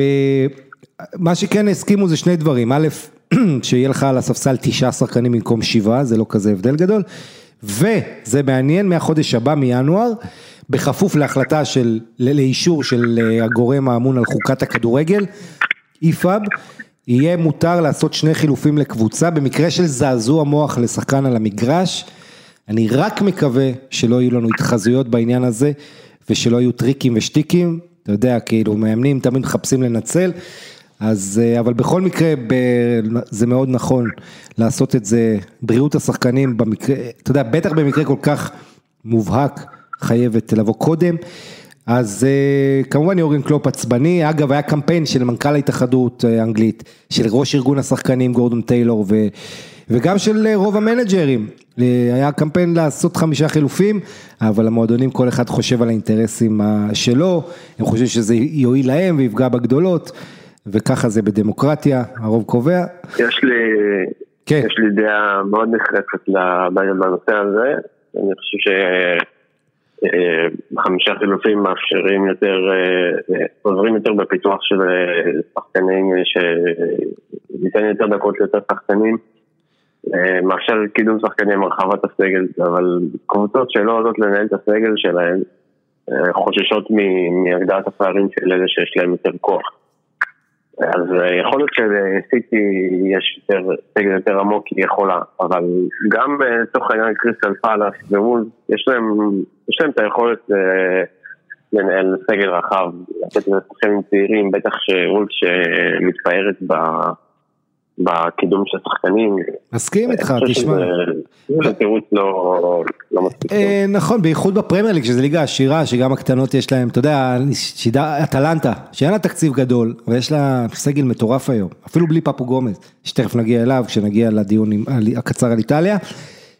רק המצב באנגליה, ליברפול ארבע נקודות על לסטר, וחמש נקודות על השלישית מנצ'סטר יונייטד, שכרגע היא נראית כיריבה, אתה יודע, כולם דיברו עד, עד לפני כמה ימים על טוטנאם ועל צ'לסי, עכשיו פתאום מנצ'סטר יונייטד נראית כיריבה הכי גדולה, יש לה משחק חסר, היא מנצחת אותו רק שתי נקודות מליברפול, שתי היריבות האלה, גם ליברפול וגם מנצ'סטר יונייטד בתצוגות תכלית אדירות במחזור הזה. בואו נתחיל עם ליברפול, 7-0 בחוץ על קריסטל פאלאס. כמו שאמרנו, ליברפול פעם, עונה שלישית, שנה שלישית רצוף, בראש הטבלה בחג המולד, עונה שעברה זה גם הספיק לאליפות, ושימו לב, ליברפול עכשיו יש את ווסט ברום, ווסט ברומיץ' ואת ניוקאסל, שתי קבוצות נוחות במשחקים בקריסמס. שביעייה ראשונה במשחק חוץ לליברפול ב-106 השנים שלה בליגה הבכירה. ואתה יודע מה הייתה הבדיחה אחרי המשחק, כי אני מזכיר לכם, משחק קודם היה משחק עונה, ליברפול גוברת על טוטנאם 2-1. משער מאוחר של מוריניו, של פירמינו, ואחרי המשחק מאמן טוטנה מוריניו אומר The better team lost, הקבוצה הטובה יותר הפסידה. אז הבדיחה אמרה שהמאמן של פאלאס, רוי הודג'סון, אמר הקבוצה יותר טובה הפסידה אחרי המשחק הזה. אותו הודג'סון שאימן בעבר את ליברפול, וספג ממנה במשחק הזה בלבד רבע מכמות השערים של ליברפול כבשה תחתיו 28. יכול להיות. כן. יכול להיות שזה שרוי הודג'סון סופג שביעייה מקלופ זה סוג של מראה על המצב של ליברפול בתור מועדון, היה ב-30 שנים האחרונות. כן. זה אירוני כזה. כן לגמרי, אגב יורגן קלופ למי שלא יודע נבחר למאמן השנה בטקס של פיפא בפרס The Best, המתחרה לכדור הזהב שלא מתקיים העונה, אבל כדור הזהב לא מתקיים, כן, The Best התקיים ויורגן קלופ מאמן השנה למרות ש... החלטה מוזרה, הרבה חשבו שהתואר הזה ראוי ללכת להאנזי פליק, אחד מאלה שחשבו ככה היה מוריניו, שאמר הסיכוי היחיד של פליק זה אם ביירן ימציאו עוד 2-3 תחרויות נוספות עבורו לנצח, כי אז הוא היה לוקח שבעה תארים ואולי זה היה מספיק, מה, אני מאמין, אומר מוריניו, שמי שזוכה בליגת אלופות, בבונדסליגה, בגביע הגרמני, בסופרקאפ האירופי ובסופרקאפ הגרמני, חמישה תארים כולל הכי גדול והכי נחשב, וואלה מסכן פליק, אומר מוריניו, וגם קלופ עצמו אגב אמר שהוא חשב שהתואר הזה ילך לפליק, צריך להגיד גם קלופ עונה אדירה וההישג שלו אליפות עם ליברפול אחרי 30 שנה, שבא אחרי גם ליגת אלופות עונה קודם, מרשימה, וקלופ, אתה יודע, גם בעונה שעברה, נכון? כן, אבל התשובה הוא נתן על המגרש עם ה-7-0, קלופ הגיע ל-127 ניצחונות בפרמייר ליג, כמנג'ר ליברפול, הוא עקף את רפה בניטס, זה באמת ציון דרך משמעותי. זאת אומרת בעידן הנוכחי, בעידן המודרני, אחר בניצחונות כמנג'ר ליברפול, ובליגה ובכלל. ובעיקר מאוד מרשים אותי ההתנהלות של יורגן קלופ לפני משחקים, אני לא מדבר על הצד שהוא תוקף את התקשורת ואת היריבים ובוכה על זה שאין יותר חילופים והפציעות, אלא הגישה הזאת, אתה רואה איך הוא עצבני שהקבוצה לא טובה, מעיר אותם, הוא דיבר לפני המשחק איך ג'יני ויינלדום, כן, הנפלא, הקשר ההולנדי הזה, איך אחרי המשחק עם טוטנאם הוא אמר להם, אתם לא, בחדר הלבשה, לחברים שלו, אין מצב יותר שאתם נותנים מחצית ראשונה כל כך טובה ולא מנצלים אותה, אלא מבזבזים אותה, אני מזכיר לך, היה אחת אחת וליברפול שלטו בצורה שהיה צריך להיות חמש אחת. אז זה מה שקרה פה, ליברפול באה בגישה מקצועית, שמה שלושה גולים מחצית ראשונה, גמרה את הסיפור, מוחמד סלאח עולה מהספסל עם צמד ובישול. מיד אני אגיע למשהו מעניין על מוחמד סאלח. כמובן הרבה, זה מצחיק כי הרבה מדברים על קריסטל פלאס, חושבים מיד על 2014 שליברפול איבדו את האליפות עם ה-3-0 שהפך ל-3-3 שם בעשר דקות האחרונות וסיטי לקחו את האליפות, אבל ליברפול יש לה כל כך הרבה דברים אתה יודע, זה כמו שוער שעושה טעות ואז נותן 100 הצלות הכי טובות בעולם ויזכרו לו את הטעות. תשים לב מה, מה, מה ליברפול עשו נגד קריסטל פלאס. שישה ניצחונות רצופים יורגן קלופ משיג באצטדיון שלה, סלהרסט פארק, מאז אותו 3-3, שישה ניצחונות של יורגן קלופ שם. מאנה כובש נגדה שבעה משחקים ברציפות, גם סאלח מככב נגדה. פעם אחרונה, כל הכוכבים של ליברפול, מהלך השלישייה, סאלח מאנה ופרמינו כובשים, פעם אחרונה שהם עשו את זה, זה גם היה מול פאלאס, בינואר 2019, לפני שנתיים. פעם אחרונה שליברפול ניצחה בהפרש של יותר משבעה שערים, זה נגד פאלאס, 1989, 9-0. פעם אחרונה שפאלאס עצמה ספגה כל כך הרבה שערים בבית, 6-1 אמנם, אחד פחות, זה היה מול ליברפול, ב-94. אז אתה יודע, יזכרו לנצח את השלוש שלוש הזה, אסונים של ליברפול, אבל צריך להגיד את האמת, ליברפול, מה זה הורג את היריבה הזו. מוחמד סאלח, דבר המעניין שלגביו, הוא עולה מהספסל עם צמד ובישול, מוחמד אבו טריקה, כוכב נבחרת מצרים, חבר של סאלח, טוען שסאלח לא מרוצה בליברפול, הוא קצת כועס, הוא לא קיבל להיות קפטן מול מיטיילנד בליגה האירופית, לא אהב את זה, אנחנו ראינו אותו מוחלף ולא אוהב את זה לא מזמן באחד המשחקים. טוען אבו טריקה שבריאלו ברסה סאלח היה זוכה בכדור הזהב לפי היכולת שלו, והוא טוען שבגלל העניינים הכלכליים בליברפול שוקלים למכור אותו. אגב סאלח לא פת... סאלח לא פתח בהרכב במשחק הזה, כמו שציינתי, מינמינו עלה בהרכב וכבש שער ראשון שלו, היפני, בפרמייר ליג, שער בכורה בעצם בהופעה ה-18 שלו, של מינמינו, זה היה שער מהיר מאוד, כמו שראינו בסוף השבוע, זה הרבה שערים מהירים שעשו משחקים לבלתי נשכחים, ו... וליברפול אגב לא ניצחה חמשת משחקי החוץ הקודמים שלה, אף אחד לא יזכור את זה עכשיו, כי זה היה 7-0 כזה מהדהד, אבל ה-7-2 שהפסידה לווילה ועוד הרבה תוצאות תיקו שהיא עשתה בחוץ, אז כן, אז פה היא חוזרת לדרך הישר במשחק חוץ, ואגב השער הכי מהיר של ליברפול במשחק חוץ הזה של מינמינו, השער הכי מהיר מאז משחק גם נגד קריסטל פלאס בחוץ, לפני שש שנים ב-2014, מאנה כמו שאמרתי, שבעה משחקים רצוף הוא כובש נגד פאלאס, ושובר בצורת הכי ארוכה שלו במדי ליברפול, כי הוא לא כבש עשרה משחקים רצופים במדי הרדס. גם הקפטן אנדרסון התכבד בשער בכורה, לעונה אחרי מבצע קבוצתי אדיר, ואתה יודע, אפשר להחמיא לכל אחד בליברפול, בסופו של דבר, צריך לזכור ליברפול עם בערך עשרה שערים יותר מקבוצה שבאה אחריה בפרמייר ליג, 36 ויונייטד 28, אז יש הבדל של שמונה שערים בין ליברפול לבין מנצ'סטר יונייטד עם ההתקפה הבאה אחריה, שליונייטד משחק פחות כמובן. ליברפול היו שמונה יומים למסגרת, שבעה שערים, היו לה שבעה מבשלים שונים, זה מטורף, שבעה שערים, שבעה מבשלים שונים, לא היה דבר כזה. כבשו לזכותה שחקנים מאסיה, אפריקה, אירופה ודרום אמריקה כמובן, יחד עם מינמינו היפני ופירמינו וכמובן האפריקאים והאירופאים. והיעילות והחדות של ליברפול הייתה באמת מרשימה מאוד. אנדי רוברטסון, מבשל אדיר, הוא השתווה לדה בריינה בבישולים בעצם בשתיים וחצי עונות אחרונות, מפתיחת 18-19 יש לרוברטסון 28 בישולים, אבל דה בריינה עקף אותו, כי סיטי שיחקו אחר כך. אז בואו נעבור למשחק של יונייטד, אתה יודע מה? בואו נלך ליונייטד, היא בהחלט ראויה להיות אחרי... ליברפול, 6-2 מהדהד על לידס עם 14 איומים למסגרת, בוא נגיד את האמת, לידס יונייטד זו קבוצה שבאה לשחק פתוח וזה משחקים הכי כיפים, אתה צריך לבחור קבוצה אחת לעקוב אחרי העונה זה לידס, אבל משחק אחד היא מנצחה 1-5-2 מחזור קודם, ועכשיו היא מפסידה 6-2. ההפרש שערים של לידס זה 24 זכות ו-30 חובה.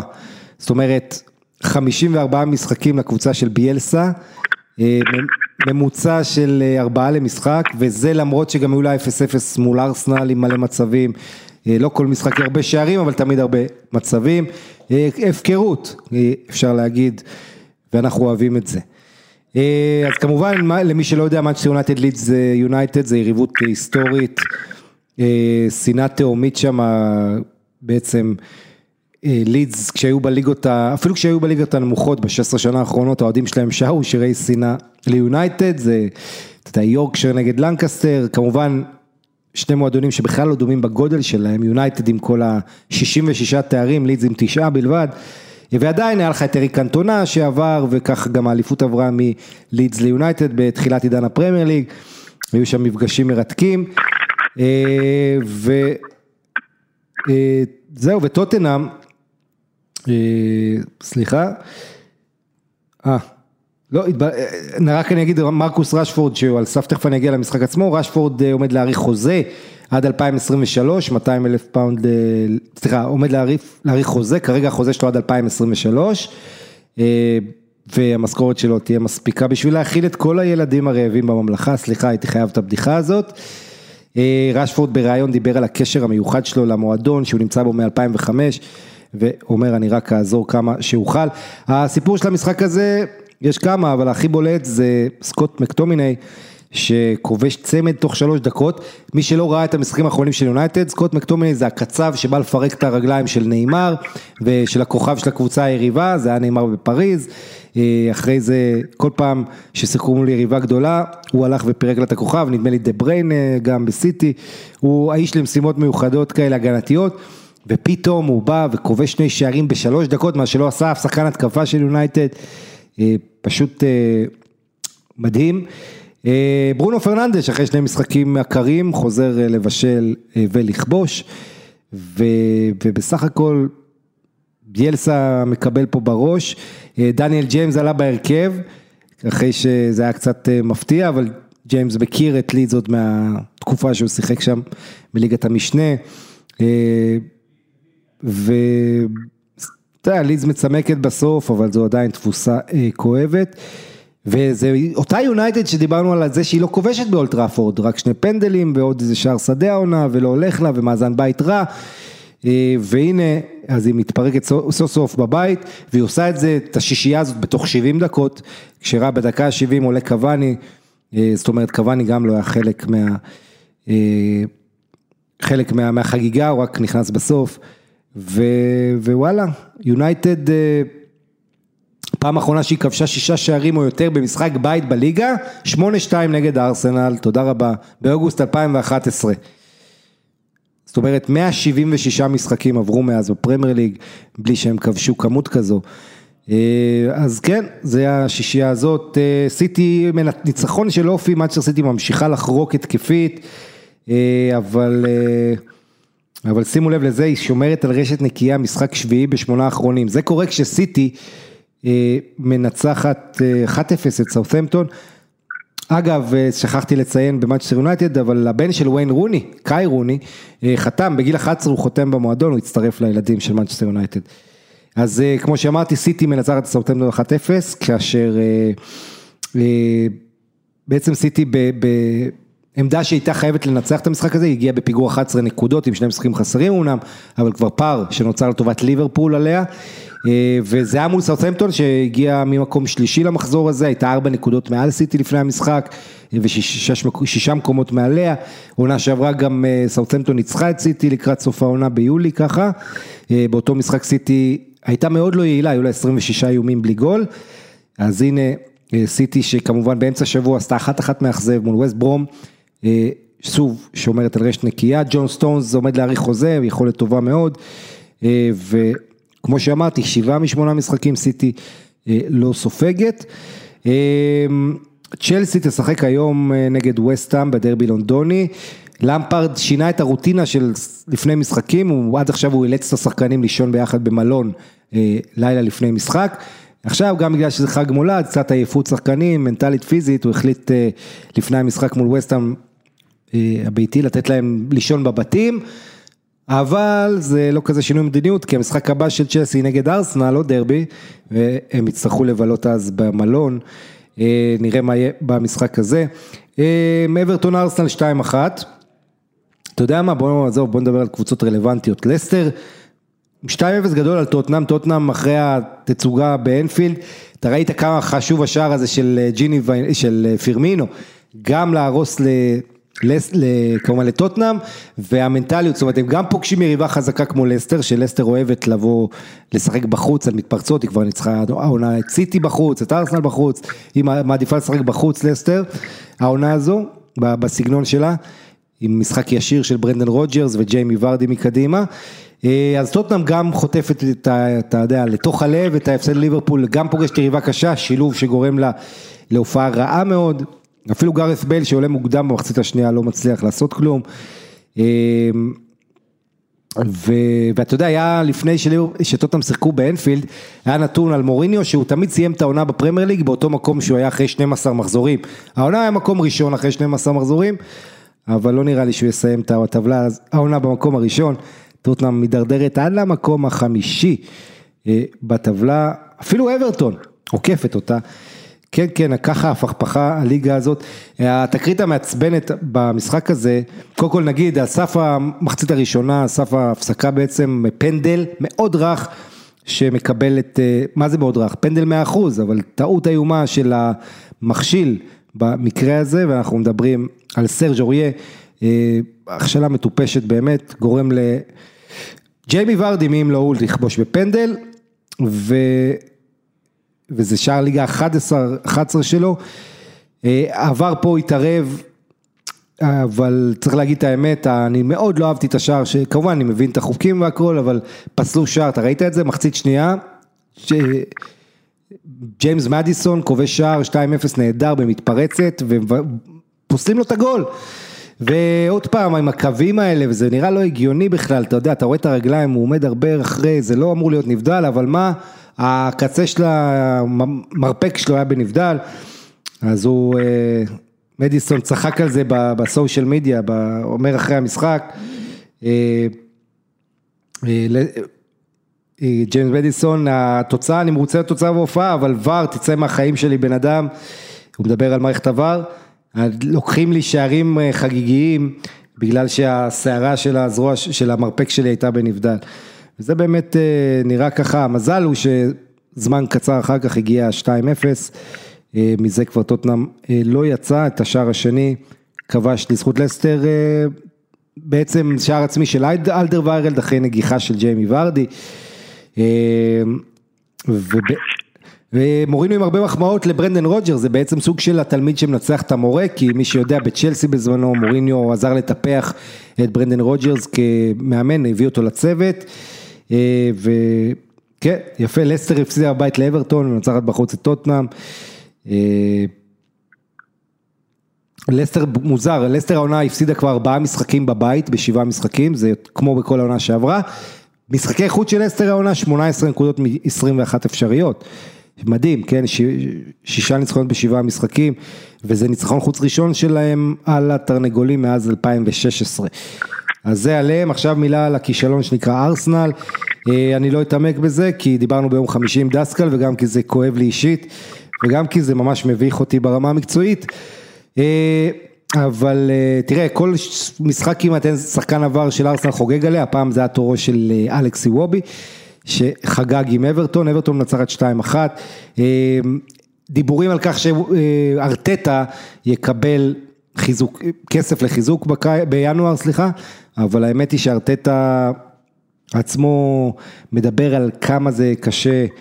מלאכת האימון שהוא באמת רק עכשיו מגלה את זה לאחרונה והרבה דיבורים על חוסר שקט במועדון, אתה יודע היה וויליאן, השחקן הוותיק שהגיע מצ'לסי ועד עכשיו הוא פלופ גדול, נסע לדובאי לאיזה חופשה, טס ואז הוא חזר וישר שיחק במשחק הליגה הבא, הוא לא קיבל שום נזיפה, קנס או כלום, בניגוד לשחקנים אחרים שטוענים שארטטה מעניש אותם על הרבה דברים הרבה יותר קטנים, כן סוג של גן ילדים האווירה בארסנל, הרבה דיווחים בתקשורת עכשיו על אווירה רעילה בחדר הלבשה, על זה שהרבה שחקנים, ככה זה כשלא הולך בקבוצות כדורגל, החרא יוצא, הכביסה מתלכלכת גם בחוץ, וזה מראה גם על חוסר שליטה של ארטטה. אגב, בלי אובמיאנג, ארטטה, סרט הקפטן היה של רוב הולדינג, רוב הולדינג האחרון לכבוש, כן, רוב הולדינג עם סרט הקפטן כובש שער עצמי אומלל, ומי שהאחרון שקבע שער עצמי אומלל לארסנל נגד אברטון, היה כמובן מיקל ארטטה עצמו, לפני שש וחצי שנים, חוסר משמעת של ארסנל, מפוזרת, כל המחצית השנייה שהיא בפיגור לא מצליחה פעם אחת לאיים למסגרת, פשוט עולב בעולבים. אברטון אחרי ניצחונות על צ'לסי ולסטר, מחברת שלושה ניצחונות רצופים כמו שאמרתי, חוזרת ל top 4. כן, ומה נגיד, ארסנל ניצחון אחרון אחד בנובמבר באולד טראפורד על מנצ'סטר יונייטד, יש לה ניצחון אחד בעשרה מחזורים, בלאגנים ועכשיו יש לה את מנצ'סטר סיטי בגביע וכמו שאמרנו צ'לסי נגד ארסנל ב Boxing Day, בקיצור על הפנים וזה כמובן המאזן הכי גרוע של ארסנל, 14 נקודות ב-12 מחזורים, מאז 1974-75,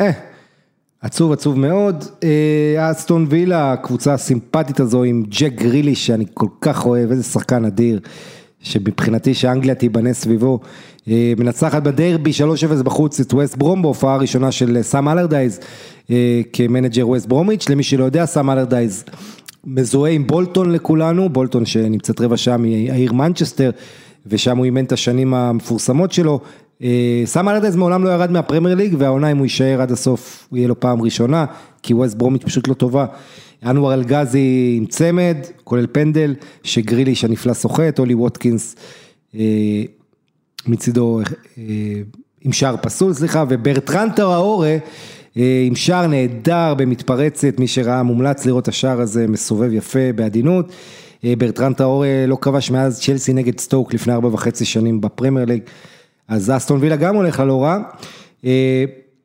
ומה עוד היה לנו, יש לנו היום גם ברנלי נגד וולס, צ'לסי נגד וסטהאם כמו שאמרתי, שפילד יונייטד הוציאה נקודה שנייה עונה, אחת אחת אצל ברייטון, משחק, ש... משחק שצפיתי בו אבל אני לא ארחיב עליו, דני וולבק רק נגיד כבש, עוד אקס של ארסנל, ניוקאסל אחת פולאם אחת, ו...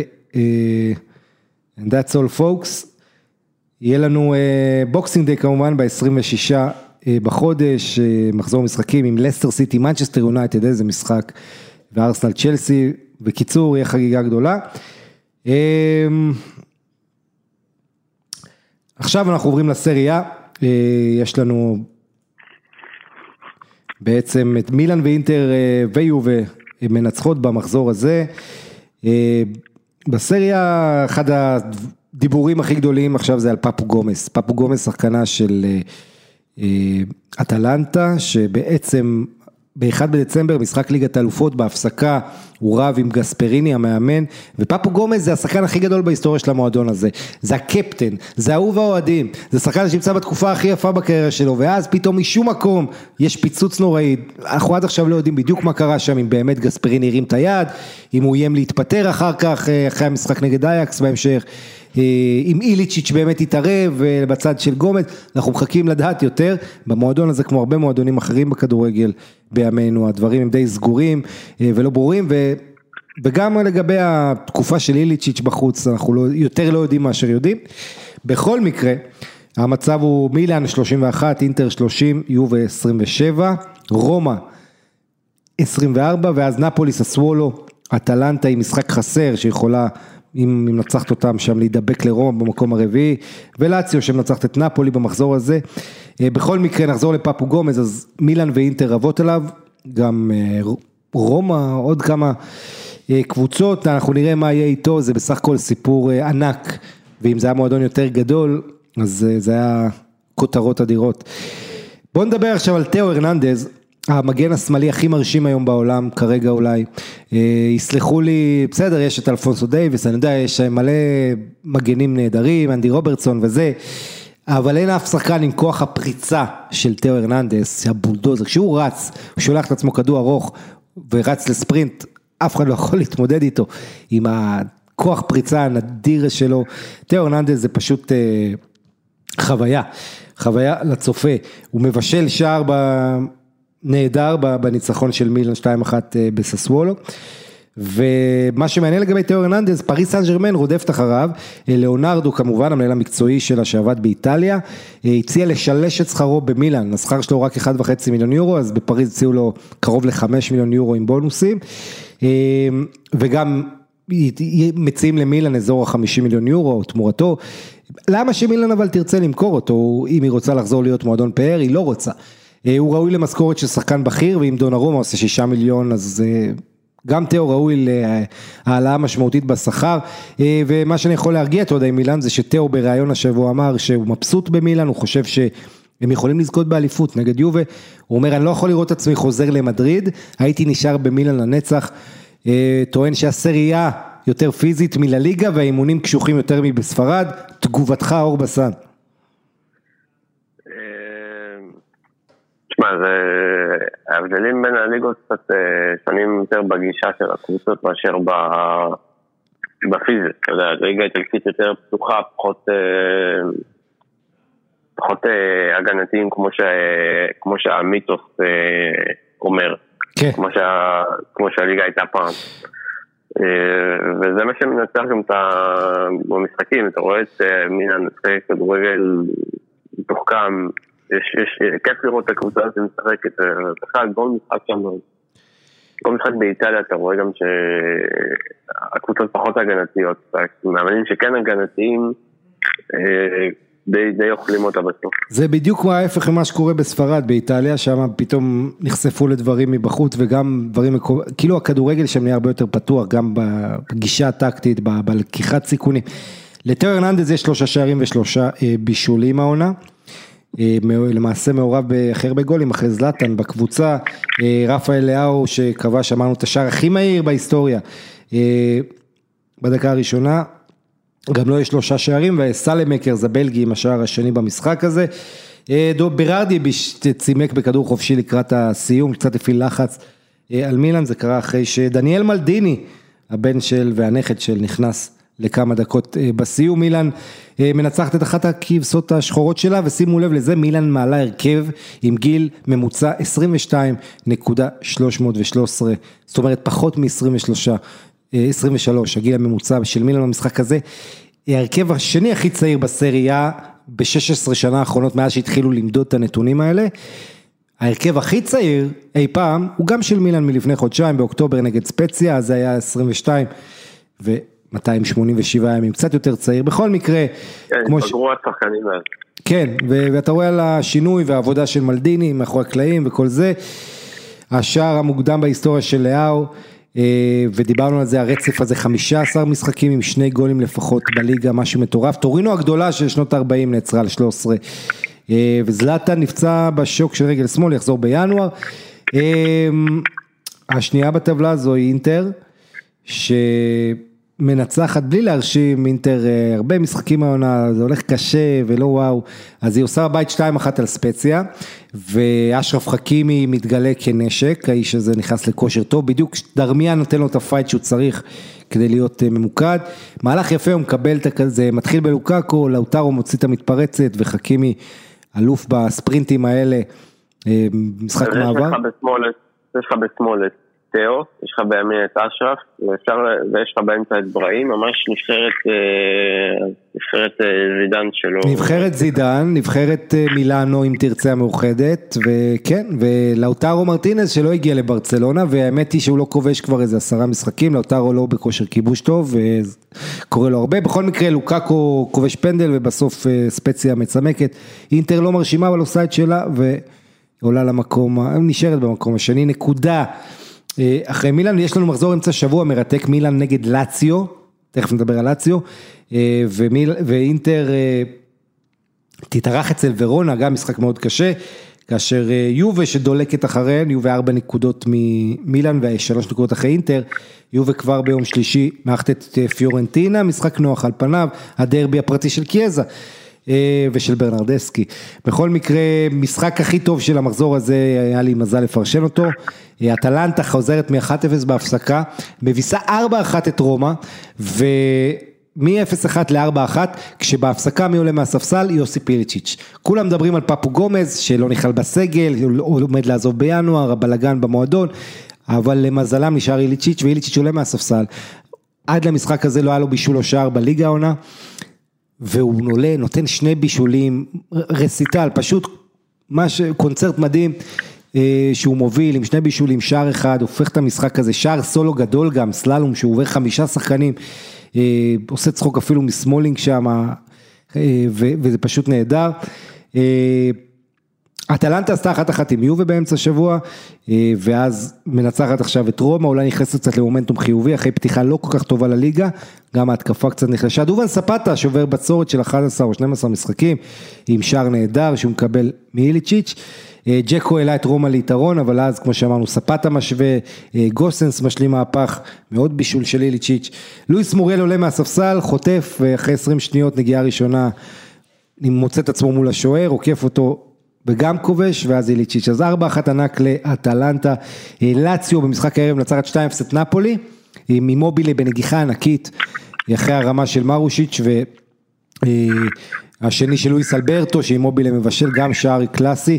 נפולי מאוד חסרה בלי אינסיני ומרטנס במשחק הזה, ונראתה עובדת דרך. גטוזו כמו נפצע בעין, אז הוא ככה, יש לו איזה משהו שזה ככה פד כזה על העין, תחבושת, והקבוצה שלו באמת מאכזבת, כי נפולי היחידה בלי תיקו בליגה, אבל יש לה כבר חמישה הפסדים, חמישה זה כולל ההפסד הטכני מול יובה, שנראה מה יהיה בגורל הערעור. כן, ההפסד הזה, זה, אני חושב שזה מציל את יובה, כי אם לא, הפסד, אם לא הניצחון הטכני הזה, יכול להיות שהייתה עכשיו שבע נקודות ממינן, וארבע נקודות ועוד איכשהו זה קרוב.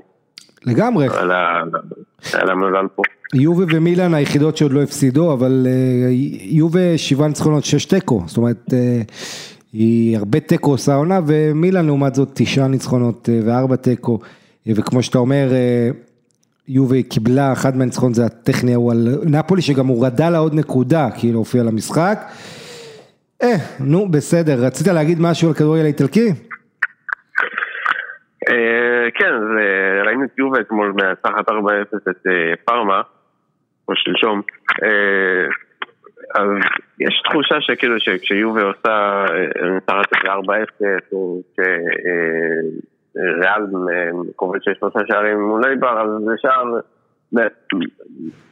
קשה, קשה לאנשים לפרגן לקבוצה, יותר אומרים כן, אבל פארמה, כן, אבל אייבר, כאילו, אתה יודע, כן, וגם נכון. גם באמינכן שהיא מפרקת. נכון, אומרים חולשת הליגה, היריבה וכולי. כן, אה, כאילו אתה יודע, יש אה, ליגות אחרות שפחות, אה, שכן כן ממהרים לפרגן ופחות מדברים על החולשה של הקבוצות שספגות שישיות או שביעיות. ואני חושב שיובה מתחילה קצת לראות קצת יותר טוב, הוא כאילו לא, טיפה בבנייה, אני, אני לא חושב שהם יכולים לכוון כרגע לאליפות, בטח כש... מילן ואינטר מתחזקות, כי יובל בבנייה, זה תהליך שלא יודע, אם פירלו מאמין חסר ניסיון. אה, אבל מה זה לא לכוון אה, לאליפות? אתה מדבר פה על מועדון שהוא מחזיק בשיא, אתה יודע, אליפויות רצופות בליגה גדולה, תשע, ורוצים את העשירית. נכון. פייבוריטים עדיין, אפילו שברור שאנחנו מצפים מהמילנזיות לעשות איזה הפתעה, אבל עדיין זה יובל. נכון. ועכשיו התחרות באיטליה גדולה יותר מתמיד על האליפות, אתה יודע, אם נפולי עכשיו, לצורך העניין, עם ארבע נקודות יותר, גם טהרת על האליפות, כן. עכשיו היא התרחקה שמונה נקודות, זה די הרג אותה. אבל עכשיו יו נראית קצת פחות טובה, פחות טובה ביחס לקבוצה מוליכה, פחות טובה ביחס למי שמוליכות את הליגה. ויש צרות, תראה דיבלה, מה קורה שם עם דיבלה, בלאגן, האיש, אתה יודע, הפך מכוכב המועדון עכשיו לשחקן ספסל, אה, לא מרוצה מהמעמד, אה, משא ומתן מתיש. אה, אתה יודע, זה, זה יובה, טוען אניילי, נתנו לו הצעה טובה, והוא לא בין הטופ חמש בעולם, אבל הוא ישתכר בין העשרים הטובים בעולם, יובה יש לה בעיות כלכליות, אני די רואה את זה לקראת סיום דרכו של דיבלה במועדון, למרות שהוא מאוד אוהב את יובה ורוצה להישאר, אבל לא, לא יודע, לא בנסיבות האלה. אה, מאוד יכול להיות שפירלו לא יגמור את העונה, למרות שיש לו יחסים מאוד טובים עם עניאלי והנהלה, אה, ו... אבל כל עוד פירלו שם, זה בעיה קשה לדיבלה כרגע כמו שזה נראה. אה, שתי נגיחות נהדרות ב-4-0 של יובל על פארמה, שאגב פארמה שמזלזלים בה, הזכרת את זה, רק נזכיר, עשתה 2-2 עכשיו עם מילאן וגם 2-2 עם אינטר בסנסירו. אז זו קבוצה שמדי פעם מתפרקת אבל גם עושה תוצאות יפות. קבוצה שנזכיר לך החליפה בעלים בקיץ, נכון, בבנייה ויש שם פוטנציאל, ורני אני חושב שלא מתאים. כי אני גם מסכים. גם עם, גם עם לצ'ה הוא יותר מדי הרפתקני כזה ולא... מסכים איתך, אבל אני צריך חייב להתקדם אור כי התוכנית הזאת ארוכה יוצאת לי, רק אני אגיד קולוסבסקי כובש את הראשון ליובה נגד הקבוצה שבה הוא כיכב עונה שעברה ובזכות זה הוא הגיע ליובה, מורטה במשחק נהדר נוסף עם שער ושני בישולים, קריסטיאנו רונלדו עם צמד אחד מהם בנגיחה נהדרת, קריסטיאנו רונלדו דיבר באיזה ראיון השבוע על האתלטיות ואתה יודע איך שהוא לא מוותר והוא לא צריך להיות יותר איטי, זאת אומרת הוא, הוא באמת עושה הכל, מקריב הכל למען הקריירה ואתה רואה את היכולת האתלטית שלו, זה פשוט מדהים, הוא כאילו לא, לא נחלש, הוא קצת אולי איבד מהמהירות שהייתה לו בשיאו, אבל עדיין הניטור מדהים, שים לב לזה, רונלדו לא רק שיש לו 81 שערים ב-101 משחקים ביובה, הבא אחריו אה, זה 25 גולים פחות, כן, אה, טרזגה באותו שלב, אחרי 101 משחקים, ועצבנו, ככה זה שמעצבנים את רונלדו, אתה יודע, לא נתנו לו את פרס דה אה, בסט, ראית, היה לו פרצוף חמוד כזה, הוא משלב ידיים, כשלבנדובסקי הוכרז כזוכה. בוא נגיד ככה, רונלדו מסיים את 2020, הוא רואה שלו עוד משחק אחד, 33 גולים בסריה, זה הכי הרבה בליגות הבכירות. אבל אם אתה הולך על כל המסגרות, לרוברט לבנדובסקי יש 45, לרונלדו יש 41. אם דיברנו על זה שמסי השווה את השיא של פלא, 643 גולים במועדון אחד, רונלדו מרחק שער אחד מלהשוות את השיא של פלא, שערים בכל הקריירה המקצועית, אה, פלא עם 757, רונלדו הגיע ל-756, אחד פחות, הוא צמוד ליוזף ביצ'אן, שחקן עבר מיתולוגי מהספרות, אה, אז רק נזכיר את זה.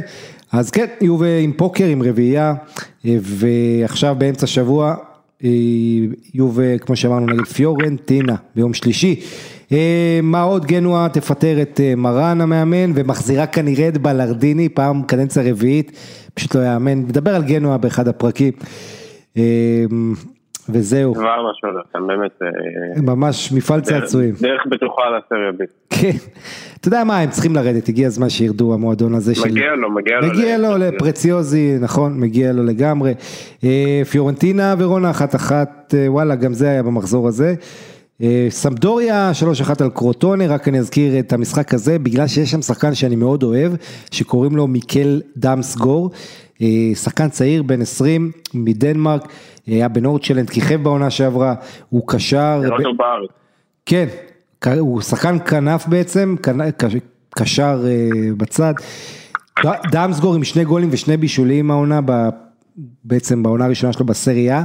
יש רק שלושה קשרים ילידי המילניום הנוכחי שמעורבים בארבעה שערים כמוהו או, או יותר בליגות הגדולות, בחמש הליגות הגדולות, וזה לא שלושה קשרים, יסלחו לי פה מי שעשו את הסטטיסטיקה הזאת, כי השניים האחרים שהם הזכירו זה פלוריאן וירץ מלברקוזן, אחלה, אבל ג'ובאני ריינה אני לא מחשיב אותו קשר מדורטמונד, הוא יותר שחקן התקפי. אמ, אז אה, כבוד גדול לדאמסגור, קואלרלה גם קינח שם במשחק הזה בניצחון סמדוריה, חשוב מאוד. אה, עכשיו בונדסליגה, אה, וואו, בונדסליגה, אמ, הליגה ברק קבוצה אחת יוצאת לפגרת, בעצם לא, אף קבוצה אה, בלתי מנוצחת, אה, לברקוזן אה, מפסידה לביירן, הפסד ראשון של העונה, הפסד מאוד צורב בתוספת הזמן בשנייה האחרונה, תכף נגיע למשחק הזה. וולפסבורג הפסידה כבר באמצע השבוע, אז שימו לב לזה, ארבע, ארבע המוליכות של הבונדסליגה, לברקוזן, לייפציג, וולפסבורג וכמובן המוליכה ביירן, כולה עם הפסד אחת, הפסד אחד, דורטמונד החמישית עם חמישה הפסדים כבר. זה קצת מוזר, אתה יודע, היינו רגילים סוף שנה, זה בדיוק חצי, חצי עונה בגרמניה, 17 מחזורים, ויש לך אלופת חורף. או, או אלופת סתיו, בכל מקרה, כרגע ביירן מינכן אלופת חג המולד, אבל זה אחרי 13 מחזורים אה, בלבד. 2-1 של ביירן מנצחת מטעות איומה של יונתן טאה, שצריך לשנות את השם שלו ליונתן טאה, כי הבן אדם הזה עושה כל משחק טעות שמובילה לגול. מסכן פטר בוס שלא הגיע לו להפסיד, וראית כמה הוא כואב בסיום, אה, אקס מכבי שדומה לוולטר ווייט. אה, אה, רק נגיד שלברקוזן זה מועדון ראוי, לפני המשחק הם עשו כבוד לנויר ולבנדובסקי, שוער השנה בעולם ושחקן השנה בעולם. אה, אז נתנו להם פרחים ככה בביי ארינה, מגרש של לברקוזן, הצמד הזה לבנדובסקי מגיע ל-17 גולים ב-13 המחזורים, הוא כבש חמישה שערים אחרונים של ביירן מינכן, השער היפה במשחק היה הראשון של פטריק שיק שהפציץ מהאוויר, העלה את לברקוזן ליתרון, זה משחק שביעי רצוף בליגה שביירן סופגת ראשונה, שנקלט לפיגור, פשוט לא יאמן, משחק שביעי רצוף, תקופה לא פשוטה עוברת על ביירן למרות שהיא מוליכה את הבונדסליגה,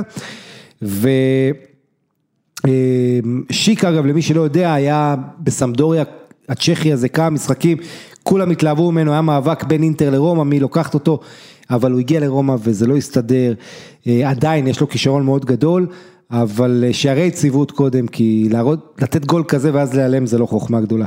בואו נראה אותו ממשיך. הוא היה לא רע עונה שעברה כמושל בלייפציג, צריך להגיד את זה. Uh, הסיפור הגדול של המשחק הזה בגרמניה זה לירוי סאנה, נכנס במקום קינגסלי קומן, קומן שהיה בכושר נהדר לאחרונה, אבל נפצע. דקה 32 לירוי סאנה מחליף אותו, בדקה 68 אותו סאנה מוחלף בעצמו. Uh, בעצם סאנה שהגיע ב-49 מיליון יורו ממנצ'סטר סיטי, אה, וזה עורר הרבה תגובות בגרמניה, לותר מתיאוס, שחקן העבר עם הפה הגדול, גם מאמן מכבי נתניה לשעבר, אמר זה לא שחקן שמחזק את ביירן, הוא עושה מלא טעויות הגנתיות, הוא משחק בלי תשוקה, הוא אומר פפ ויתר עליו כי הוא לא עושה הגנה היטב אה, על סאנה. ומטאוס מוסיף, הוא חייב להיכנס לעניינים בביירן, להתרגל למערכת ולשיטה, לקצב, הוא מתקשה בהגנה וחייב לשפר את זה. מי שהחליף אותו בדקה ה-68 זה ג'מאל מוסיאלה בן ה-17.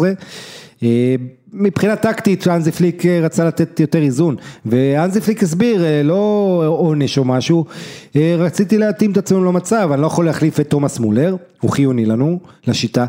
גנברי מאוד השתפר תחילת מחצית שנייה וגנברי כוכב. אז החלפתי את לירוי. הדרך היחידה שהייתה אנחנו תומכים בו וכל זה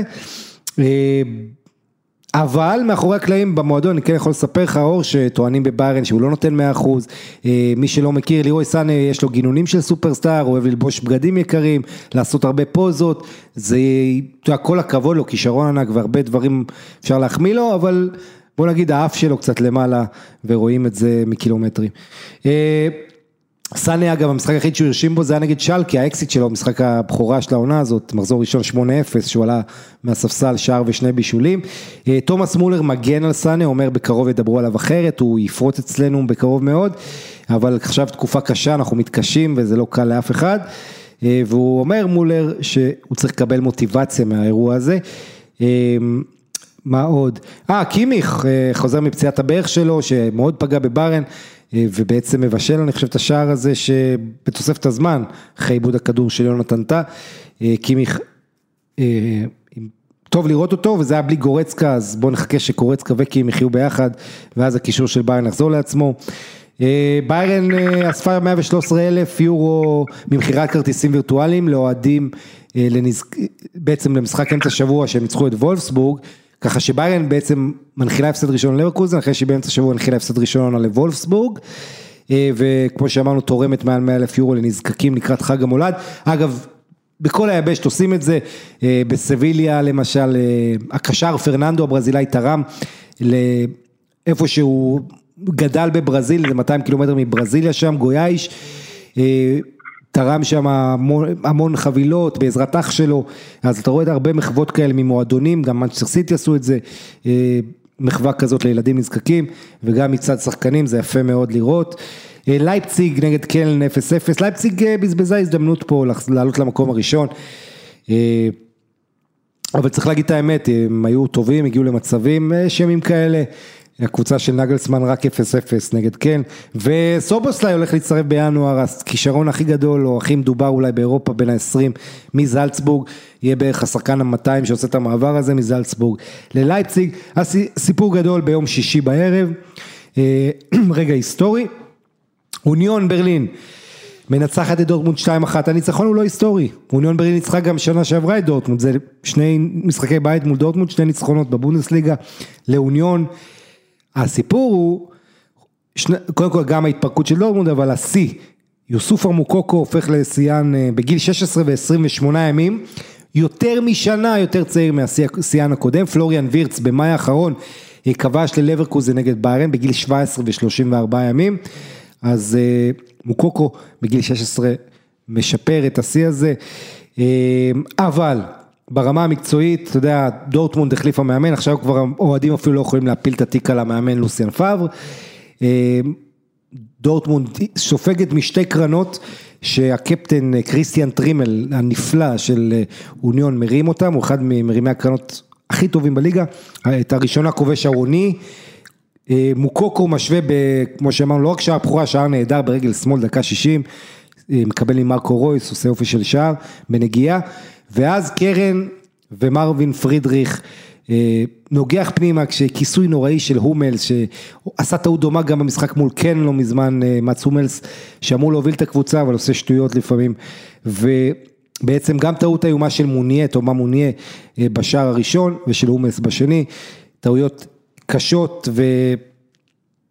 וחגיגה, טרימל הקפטן של אוניון, אומר אף יריב לא הולך קל נגדנו אה, והוא מברך את אה, מוקוקו על השיא, אני רק מזכיר לכולם שלאחרונה אוניון עשו תיקו נגד בארן וניצחון מול דורטמונד וגם תיקו באמצע מול שטוטגרד, בקיצור הקבוצה הזו הלוואי יהיו באירופה, זה סיפור מדהים, זה קבוצה עם תקציב זעום, הם לא אמורים להיות פה, אבל הם פשוט מתנהלים נהדר, והרבה קרדיט למאמן פישר, פשוט נהדר, דורטמונד, אה, פתאום אין להם שעיר לעזאזל, את המאמן אה, פאבר, אה, ומבינים שהבעיה היא יותר רצינית, היא בעיה מערכתית ומקצועית. עם כל הכבוד למוקוקו, שזה כמו לשים פלסטר על כשיש לך סרטן בערך, זה לא באמת פתרון לבעיות של הקבוצה. ו... וטרזיץ' המאמן כבר משחק שני שלו וכבר קצת יורדים עליו. אה, קחו את ג'יידון סנצ'ו לדוגמה, ג'יידון סנצ'ו שהעונה שעברה ועונה לפני היה אדיר, והעונה עוד אין לו שער והוא קטסטרופה והוא מחמיץ כל הזדמנות. אולי יכול להיות שמצטערים קצת במועדון שלא עשו עליו את הקופה, שיונייטד רדפו אחריו, אבל נראה מה יהיה עם זה.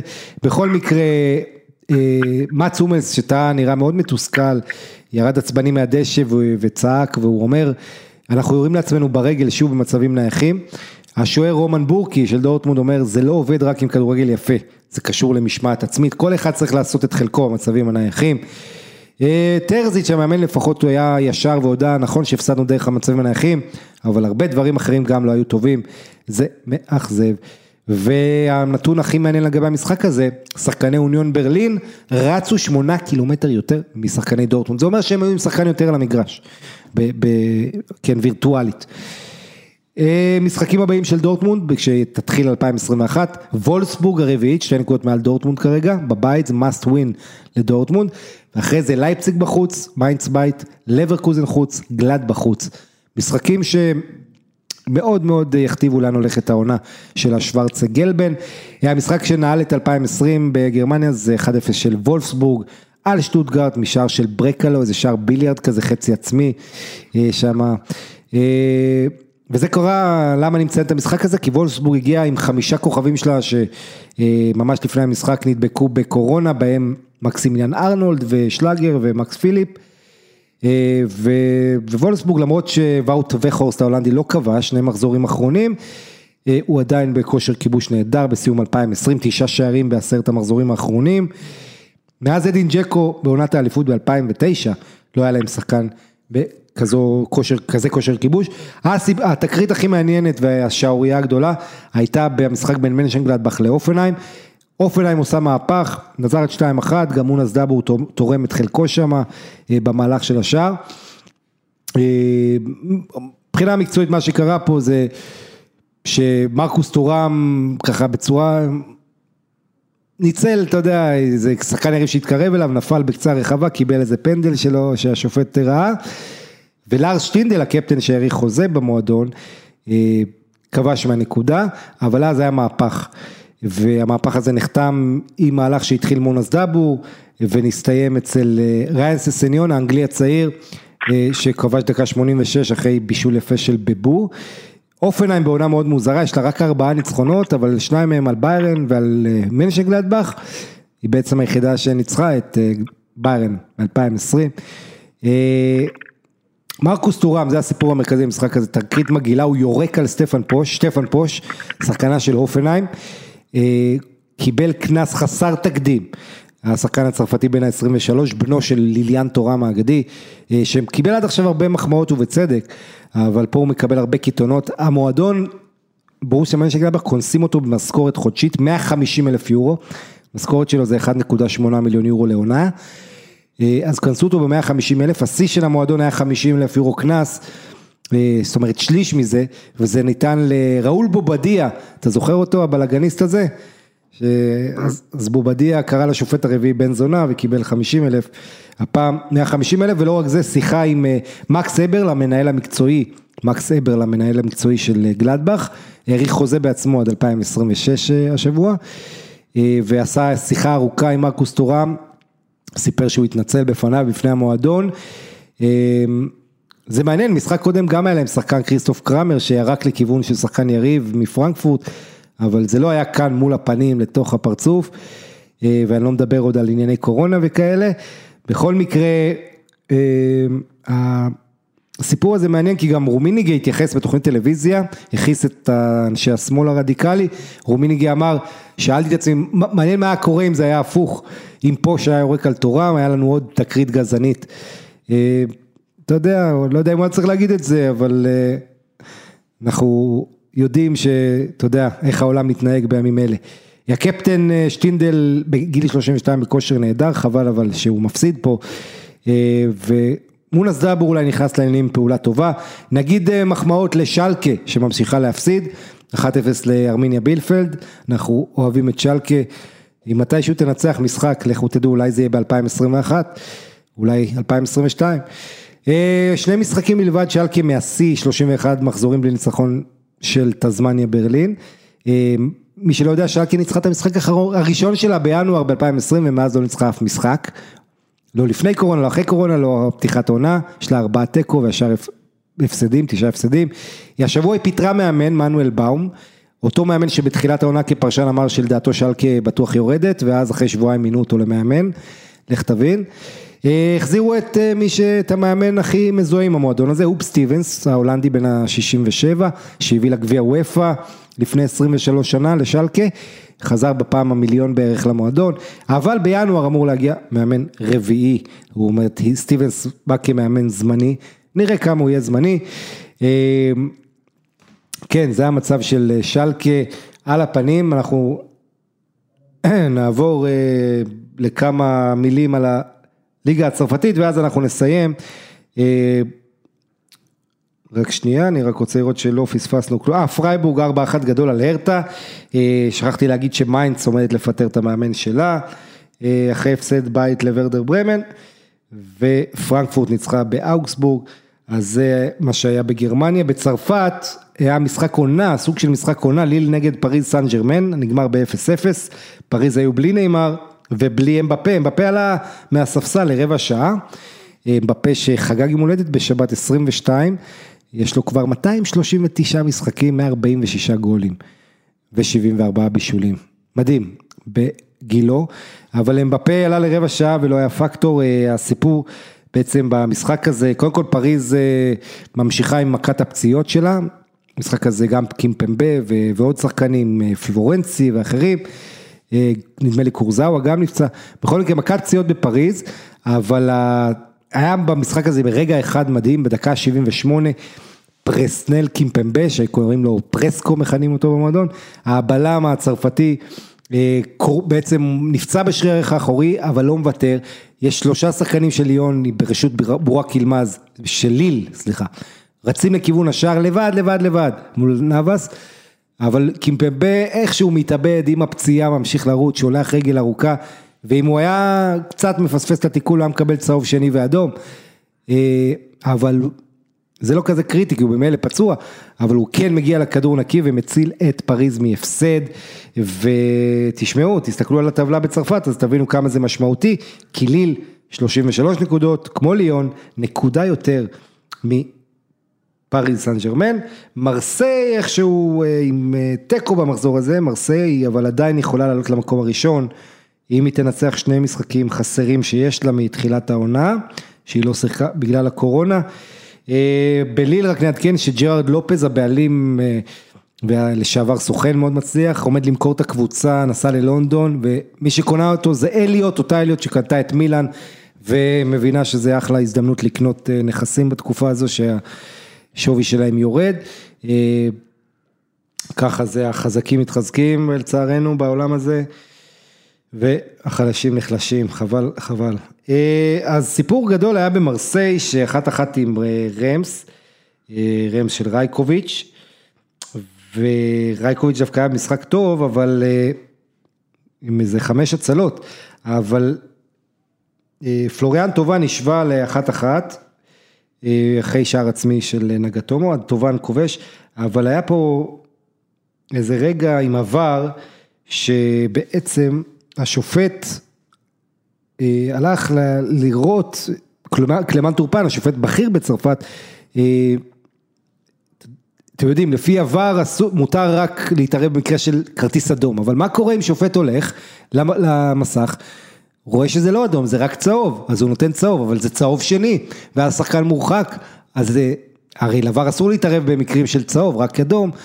אה, בקיצור, יש פה בלאגן שפתאום מתממש במשחק הזה, וככה כעסו מאוד במרסיי, אבל זה לא, משנה. עכשיו עוד מילה, אה, טרגדיה באמת קשה, גנן, אה, בן 38 שעובד בהתנדבות בקבוצת לוריאן, אה, מת, נפל עליו עמוד תאורה גדול במשחק נגד רן. שלוריאן הובסה בו 3-0 וזהו באמת טרגדיה נוראית וזה קרה מול העיניים של דלברט שמושל מאינטר ללוריה וראה את זה והוא קצת בטראומה ועוד אנשים אז זה, זה מה היה כאן, אה, ליון עם ניצחון גדול 4-1 על ניס, אה, משחק נהדר עם קדוארה הזימבבואי הנפלא, אה, שנמצא בכושר נהדר, טוב, גם שער ובישול, גם חוסה מוואר התכבד שם, ניס על הפנים, הקבוצה הזו באמת איבדה קצת את הדרך שלה. מונקו מנצחת, חוזרת לנצח את דיז'ון בחוץ 1-0 עם קווין פולנד. מבישול של בן ידר, זהו, עד כאן אה, הליגה הצרפתית, או, כן, אז אנחנו הולכים עוד מעט לפגרת, אה, בוא, סוף שנה, ומה אתה אומר, אנחנו, מה התחזית שלך ל-2021? קודם כל, אני לא יודע איזה פגרה אתה מדבר, אה, אנחנו הולכים בכל הכוח. כן, הליגה הספרדית ממשיכה כל שלושה ימים מחזור, זה הולך להיות תקופה עמוסה. אבל אה, כן, אה, קצת צריך קצת מנוחה מהשנה הזאת. 2021 אה, זו שנה של קצת, יש אופק לעתיד. יש תקווה, אולי יהיה לנו איזה, איזה פייזר, פייזר של כדורים כזה, זה, התקווה לכדורגל נורמלי, משחקים עם קהל, כמו ש... התגעגענו. אה, כן, אתה יודע. מה, אפילו, אפילו רכש, אפילו בנייה של קבוצות שלא מושפעת מהקורונה, זה גם משהו ש, שדי חסר לי. ו... די, הגיע הזמן לחזור לשפיות. כן, המצב הכלכלי, אתה יודע, הבעיות הכלכליות, אנחנו נראה העברות לא בסכומים מפוצצים בדרך כלל, חוץ מהפרמייר ליג, וייקח זמן לשוק להתאושש, אבל אה, בוא נגיד מה שבאמת חשוב זה קהל, אנחנו מציינים כבר עשרה חודשים בלי קהל במגרשים ואני לא מתייחס לאלף אלפיים צופים מהבדיחה הזאת, זה בסדר, כן, זה יותר טוב מכלום, אבל זה לא, אני רוצה לראות אצטדיונים מלאים, הגול של אימובילה באולימפיקו מול נפולי זה גול שחייב לראות אותו קהל באצטדיון, זה פשוט מדהים, ועוד מלא גולים כאלה היו לנו בסופש האחרון, אה, אתה יודע, היה משחק אטלנטה רומא, שיחקו ב-21 בפברואר, המשחק הזה 20 בדצמבר, זאת אומרת עשרה חודשים. וזה היה משחק הבית האחרון של אטלנטה עם קהל, באצטדיון שלה. אה, אז בואו בוא נקווה, אם יש דבר אחד שאנחנו רוצים ב-2021 זה קודם כל לראות את הקהל חוזר. אה, אור בסן, אני רוצה מאוד מאוד להודות לך, אה, תודה לכם המאזינים, תודה לפורטוגליס, תודה לכולם, שיהיה לכם, אם מישהו חוגג אז חג מולד שמח, או חג סיום שנה, או מה שלא יהיה. אם אתם יהודים ששומרי מצוות, אל תיעלבו שאני מאחל גם לנוכרים חגים שמחים, מאחל לכולכם רק טוב שיהיה. ביי ביי.